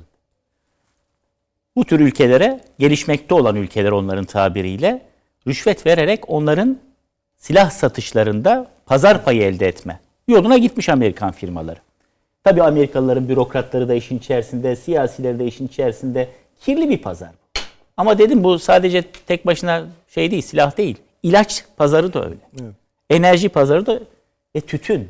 Yani bu sigara illetini dünyaya Hollywood üzerinden, sosyal medya üzerinden özendirmeler vesaireler arkasında dönen büyük paralar. İkincisi tabii ki az önce söyledim bağımlılık unsuru. Yani bir silah size verdiği zaman beraberinde en az 3 kuş birden vuruyor. Bir, o silahın yedek parçasını da ondan alacaksın. İki, o silahın gelişmiş versiyonunu da ondan alacaksın. Üç, o silahın eğitimini de ondan alacaksın. Ve bu daimi bir durum. Mesela hep örnek verilir. Ne kadar gerçek bilmiyorum. Paşam aydınlatsın bizi. Bu F-16'larda bir arıza hasıl oluyor. Bizim biraz subayımız eline alıyor tornavidayı açıp düzeltmeye kalkıyor. Amerikalılar diyor ki hayır. Ha, böyle bu Bunu- öyküyü biliyorum evet. Bunu ancak benden alacaksın. Adam saat karşılığı budur. Bu sözleşmede yazar. Ya bizimki bir ufacık yayı değiştirerek diyelim ki 50 kuruşa mal ettiği bir şeyi Amerika birkaç bin dolara o ufacık yayı sana satıyor. Ve sen, senin o kendi monte ettiğin alete bile, savaş aracına bile müdahale etme, tamir etme yetkin yok.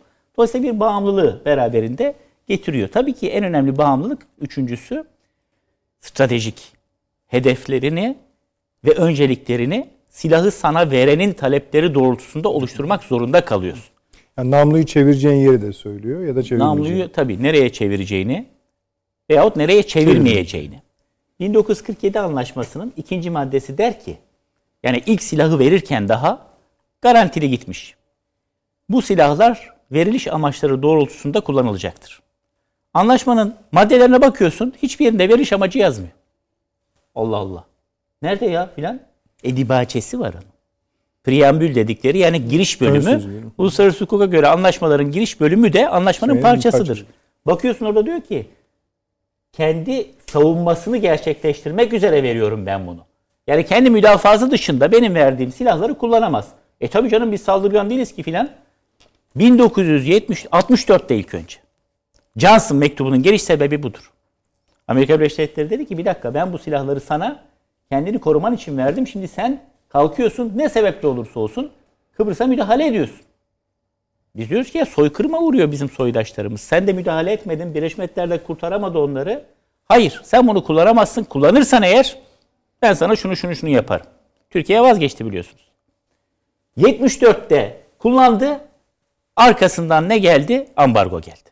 Şimdi bugün konuştuğumuz şu denge bozuluyor, denge bozuluyor hikayesi var ya. Bu denge nereden çıktı? Onun üzerinde bir duralım kısaca. 7'ye 10 oranı diye bir şey vardı. Bugün bunun adı F-35'e F-16 oranına dönüştü. 7'ye 10 oldu, 35'e 16. Neydi bu biliyor musunuz? 1974'te ABD bize aslında Ocak 75'te ambargo uygulayınca Türkiye bir tepki verdi. Bir dakika dedi ya. Sen bunu yaparsan ben de Türkiye ile ABD arasındaki ilişkileri düzenleyen savunma işbirliği anlaşmasını 1969 tarihli feshederim. Edersen et diyemiyor. Çünkü o anlaşma Türkiye'deki Amerikan üs ve tesislerinin de ne şekilde faaliyet göstereceğini düzenleyen anlaşma. Türkiye feshetti Mayıs 1975'te. Evet. İncilik kapandı. Diğer tesisler kapandı. Bunlar eyvah dediler ya bunlar bir şeyler yaptı gerçekten. Orada tabii Türkiye'deki iç karışıklıkların sağ sol hareketlerinin bunlarla ilintili olduğunu artık bugün geriye doğru baktığımızda anlayabiliyoruz. Nasıl ki 71-12 Mart'ın arkasında haşhaş meselesi var ise bunun arkasında da bu var. Ve dediler ki gelin sizinle oturalım bir anlaşma yapalım. O sizin feshettiğiniz SİHA'nın yerine bir anlaşma. Ambargoyu da peyderpey kaldıralım. 76'da Türkiye ile ABD arasında bir yeni anlaşma yapıldı. O SİHA'ya bir E eklediler. Savunma İşbirliği Anlaşması'nda idi eskiden adı. Artık savunma ve ekonomik işbirliği anlaşması oldu. Çünkü Türkiye dedi ki bunlara, Amerikalılara ben seninle bedavadan anlaşma yapmam kardeşim. Benim ekonomik açıdan da bir ödemeler dengesi sorunum var. Sen bana askeri yardımın dışında yıllık bir de ekonomik yardım yap. Tamam dediler. Bu anlaşma esnasında 700 milyon dolar o zamanki parayla pardon e, 1 milyar dolar o zamanki parayla ABD'nin Türkiye'ye yardım yapmasını Amerikalılar kabul etti. Fakat Amerikan Kongresi Senato anlaşmaları onaylamakla sorumlu dedi ki biz bütçeyi her yıl yaptığımız için geleceğe matuf bir söz veremeyiz. Ha bu sene için 1 milyar vermeyi taahhüt ediyorsak anlaşmayı yapalım ama gelecek sene bir de seçim yılı. Öbür sene, ondan sonraki sene kim gelecek, kim gidecek? Biz başkası adına ABD'yi bağlayamayız. Ve bu anlaşmayı onaylamadılar. 76 Savunma ve Ekonomik İşbirliği Anlaşması kadük kaldı. Daha doğmadan öldü. Ama ne kaldı miras biliyor musunuz? Bizim orada yaptığımız bu görüşmelerden haberdar olan Yunanistan gitti Amerika'ya dedi ki ya bir dakika bende de senin üstlerin var. Ben bedavaya kullandırtıyorum sana. Sen bunu Türkiye'ye para karşılığı kullandırtıyorsan 1 milyar dolar vereceksen bana da ver. Ne kadar verelim? Oturuyorlar. Hocam süre. 1947'den Turum'un doktrini çünkü bize ve Yunanistan'a yardım yapılmasını öngörüyor. 1947'den 76'ya kadar Türkiye ve Yunanistan'a ne kadar yardım yapıldığını çıkartıyorlar ve şu çıkıyor ortaya. Türkiye'ye 10 birim yapıldıysa Yunanistan'a 7 birim yapılmış. 7 Taksim 10 oranı oradan çıkıyor ve deniyor ki 1978'de ambargoyu kaldırırlarken Amerikan Kongresi'ndeki yasanın içerisine şu maddeyi koyuyorlar. Ambargoyu kaldırıyoruz ama bundan sonra Akdeniz'deki mevcut dengeyi devam ettireceğiz. Mevcut dengeden kastettiği 7 Taksim 10 oranı. 1980'de de 12 Eylül askeri darbesinden hemen sonra bu Mart 80'de imzalanıyor anlaşma. Savunma Ekonomik İşbirliği Anlaşması. Yürürlüğe sokulmuştur. Bugün hala yürürlüktedir. Ve Savunma ve Ekonomik İşbirliği Anlaşması 12 Eylül 1980 daha evvel 1961 Anayasası'nda. Hocam Ve toparlayalım. olur. 1980 Anayasası'nda antlaşmaların yürürlüğe girme şartına göre yürürlüğe girmemiştir. 12 Eylül Cuntası'nın bir Bakanlar Kurulu kararıyla yürürlüğe girmiştir. Halbuki bir askeri işbirliği anlaşması sen üst veriyorsun kendi topraklarından. Böyle esaslı bir antlaşmanın TBMM'de onaylanması gerekir idi. Onaylanmadan yürürlüğe girdi. Niye? Çünkü darbe olmuş, parlamento dağıtılmış ve bir bakanlar. Daha sonra hep uzatıldı Bakanlar Kurulu kararıyla. Savunma Ekonomik İşbirliği Anlaşması bugün hala yürürlükte ve bunun en önemli özü diyelim Türkiye ile Yunanistan arasındaki denge. Bugün o dengeyi Amerika Birleşik Devletleri Yunanistan'ın lehin- lehine esaslı biçimde değiştiriyor. Bunun karşılığı bunu kabullenerek çok kısa bir süre sonra demode olacak olan F-16'ları almak olmamalı. Hele bu F-16'lara ve mühimmatlarına sizin ifade ettiğiniz gibi bu kadar çok parayı vermek olmamalı. Bunların hepsini ben tekrar bir doğrula, doğrulamaya çalışacağım. Çok fazla kaynakta bu rakamlar geçiyor. Türk Yani basınında. o kadar olmasa bile yani bir Hayır, yok. para verip de bir 5 sene sonra çöpe atacağı şeyi niye bundan alasın? Türkiye artık savunma sanayi kaynaklarını millileştirirken çeşitlendirme yoluna da gitmeli. Evet. Yani artık tek kaynağı bizim hava kuvvetleri envanterimizde böyle 4-5 tanesi düşen kasa nakliye uçakları dışında savaş uçağı olarak Amerikan menşeli uçaklar var değil mi? Phantom uçaklarıyla yani F4 E, müydü F, onlar? F104. F, F4'ler de var. F, E, evet. F104'ler demode Demo, oldu. demoda oldu. F4. F4'ler var ve şeyler var. İşte o İsrail F-16. e, bir ara modernize ettirmiştik onları ve F-16'lar var. Niçin? Niçin ya? Yani NATO'da bir madde mi var? Sen Amerika dışında bir ülkeden silah alamazsın diye. Evet. E gideyim İngiltere'den alayım. O da NATO üyesi. Fransa'dan alayım. O da NATO üyesi. Eurofighter'a gireyim. Rusya'dan almaya mani bir durum mu var? Hiçbir NATO üyesi ülkede Rus silahı yok mu? Bunu daha evvel de tartıştık. Var, var, tabii. ya S-300'ler İngiliz- Yunanistan'da var. Bulgaristan'da da var. Yunanistan'da var Girit Adası'nda. Ve bunları gerekirse aktive ederiz var. demediler mi? Evet. Bulgaristan'da var, Çek Cumhuriyeti'nde var, Slo- Polonya'da var, Slovenya'da Slovakya'da var. var, Slovenya'da var. Sayalım gitsin. Peki hocam. Teşekkür edeyim. Ee, her zaman olduğu gibi konularımızda bir türlü başaramıyoruz. Allah büyük. Ee, Libya artık Libya değil aslında tabii. Libya konu Libya'da böyle pergenin ucunu oraya batırıp bir tur atacağız. Ee, ve başka bir Doğu Akdeniz Doğu Akdeniz değil Akdeniz haritası ortaya koyacağız Perşembe günü inşallah. Tabii görüşmeye yetişebilir miyiz Perşembe günü? Ee, saat farklarını filan da şeyin e, Blinken yani Çavuşoğlu görüşmesinin basın toplantısı çıktıları açıklamalarına e, onlar da yetişme ihtimali var. O zaman bambaşka bir konu tabii gündeme gelecek. Diğer konularımızda inşallah o zaman tamamlayacağız. Ee, Süleyman Hocam ağzınıza sağlık. Çok çok teşekkür ediyorum paşam. Teşekkürler. Sağ olunuz, var olunuz Çağrı Hocam. Eksik olmayınız. Çok çok teşekkür ediyorum. Ee, efendim, Perşembe akşam aynı saatte yine huzurlarınızdayız inşallah.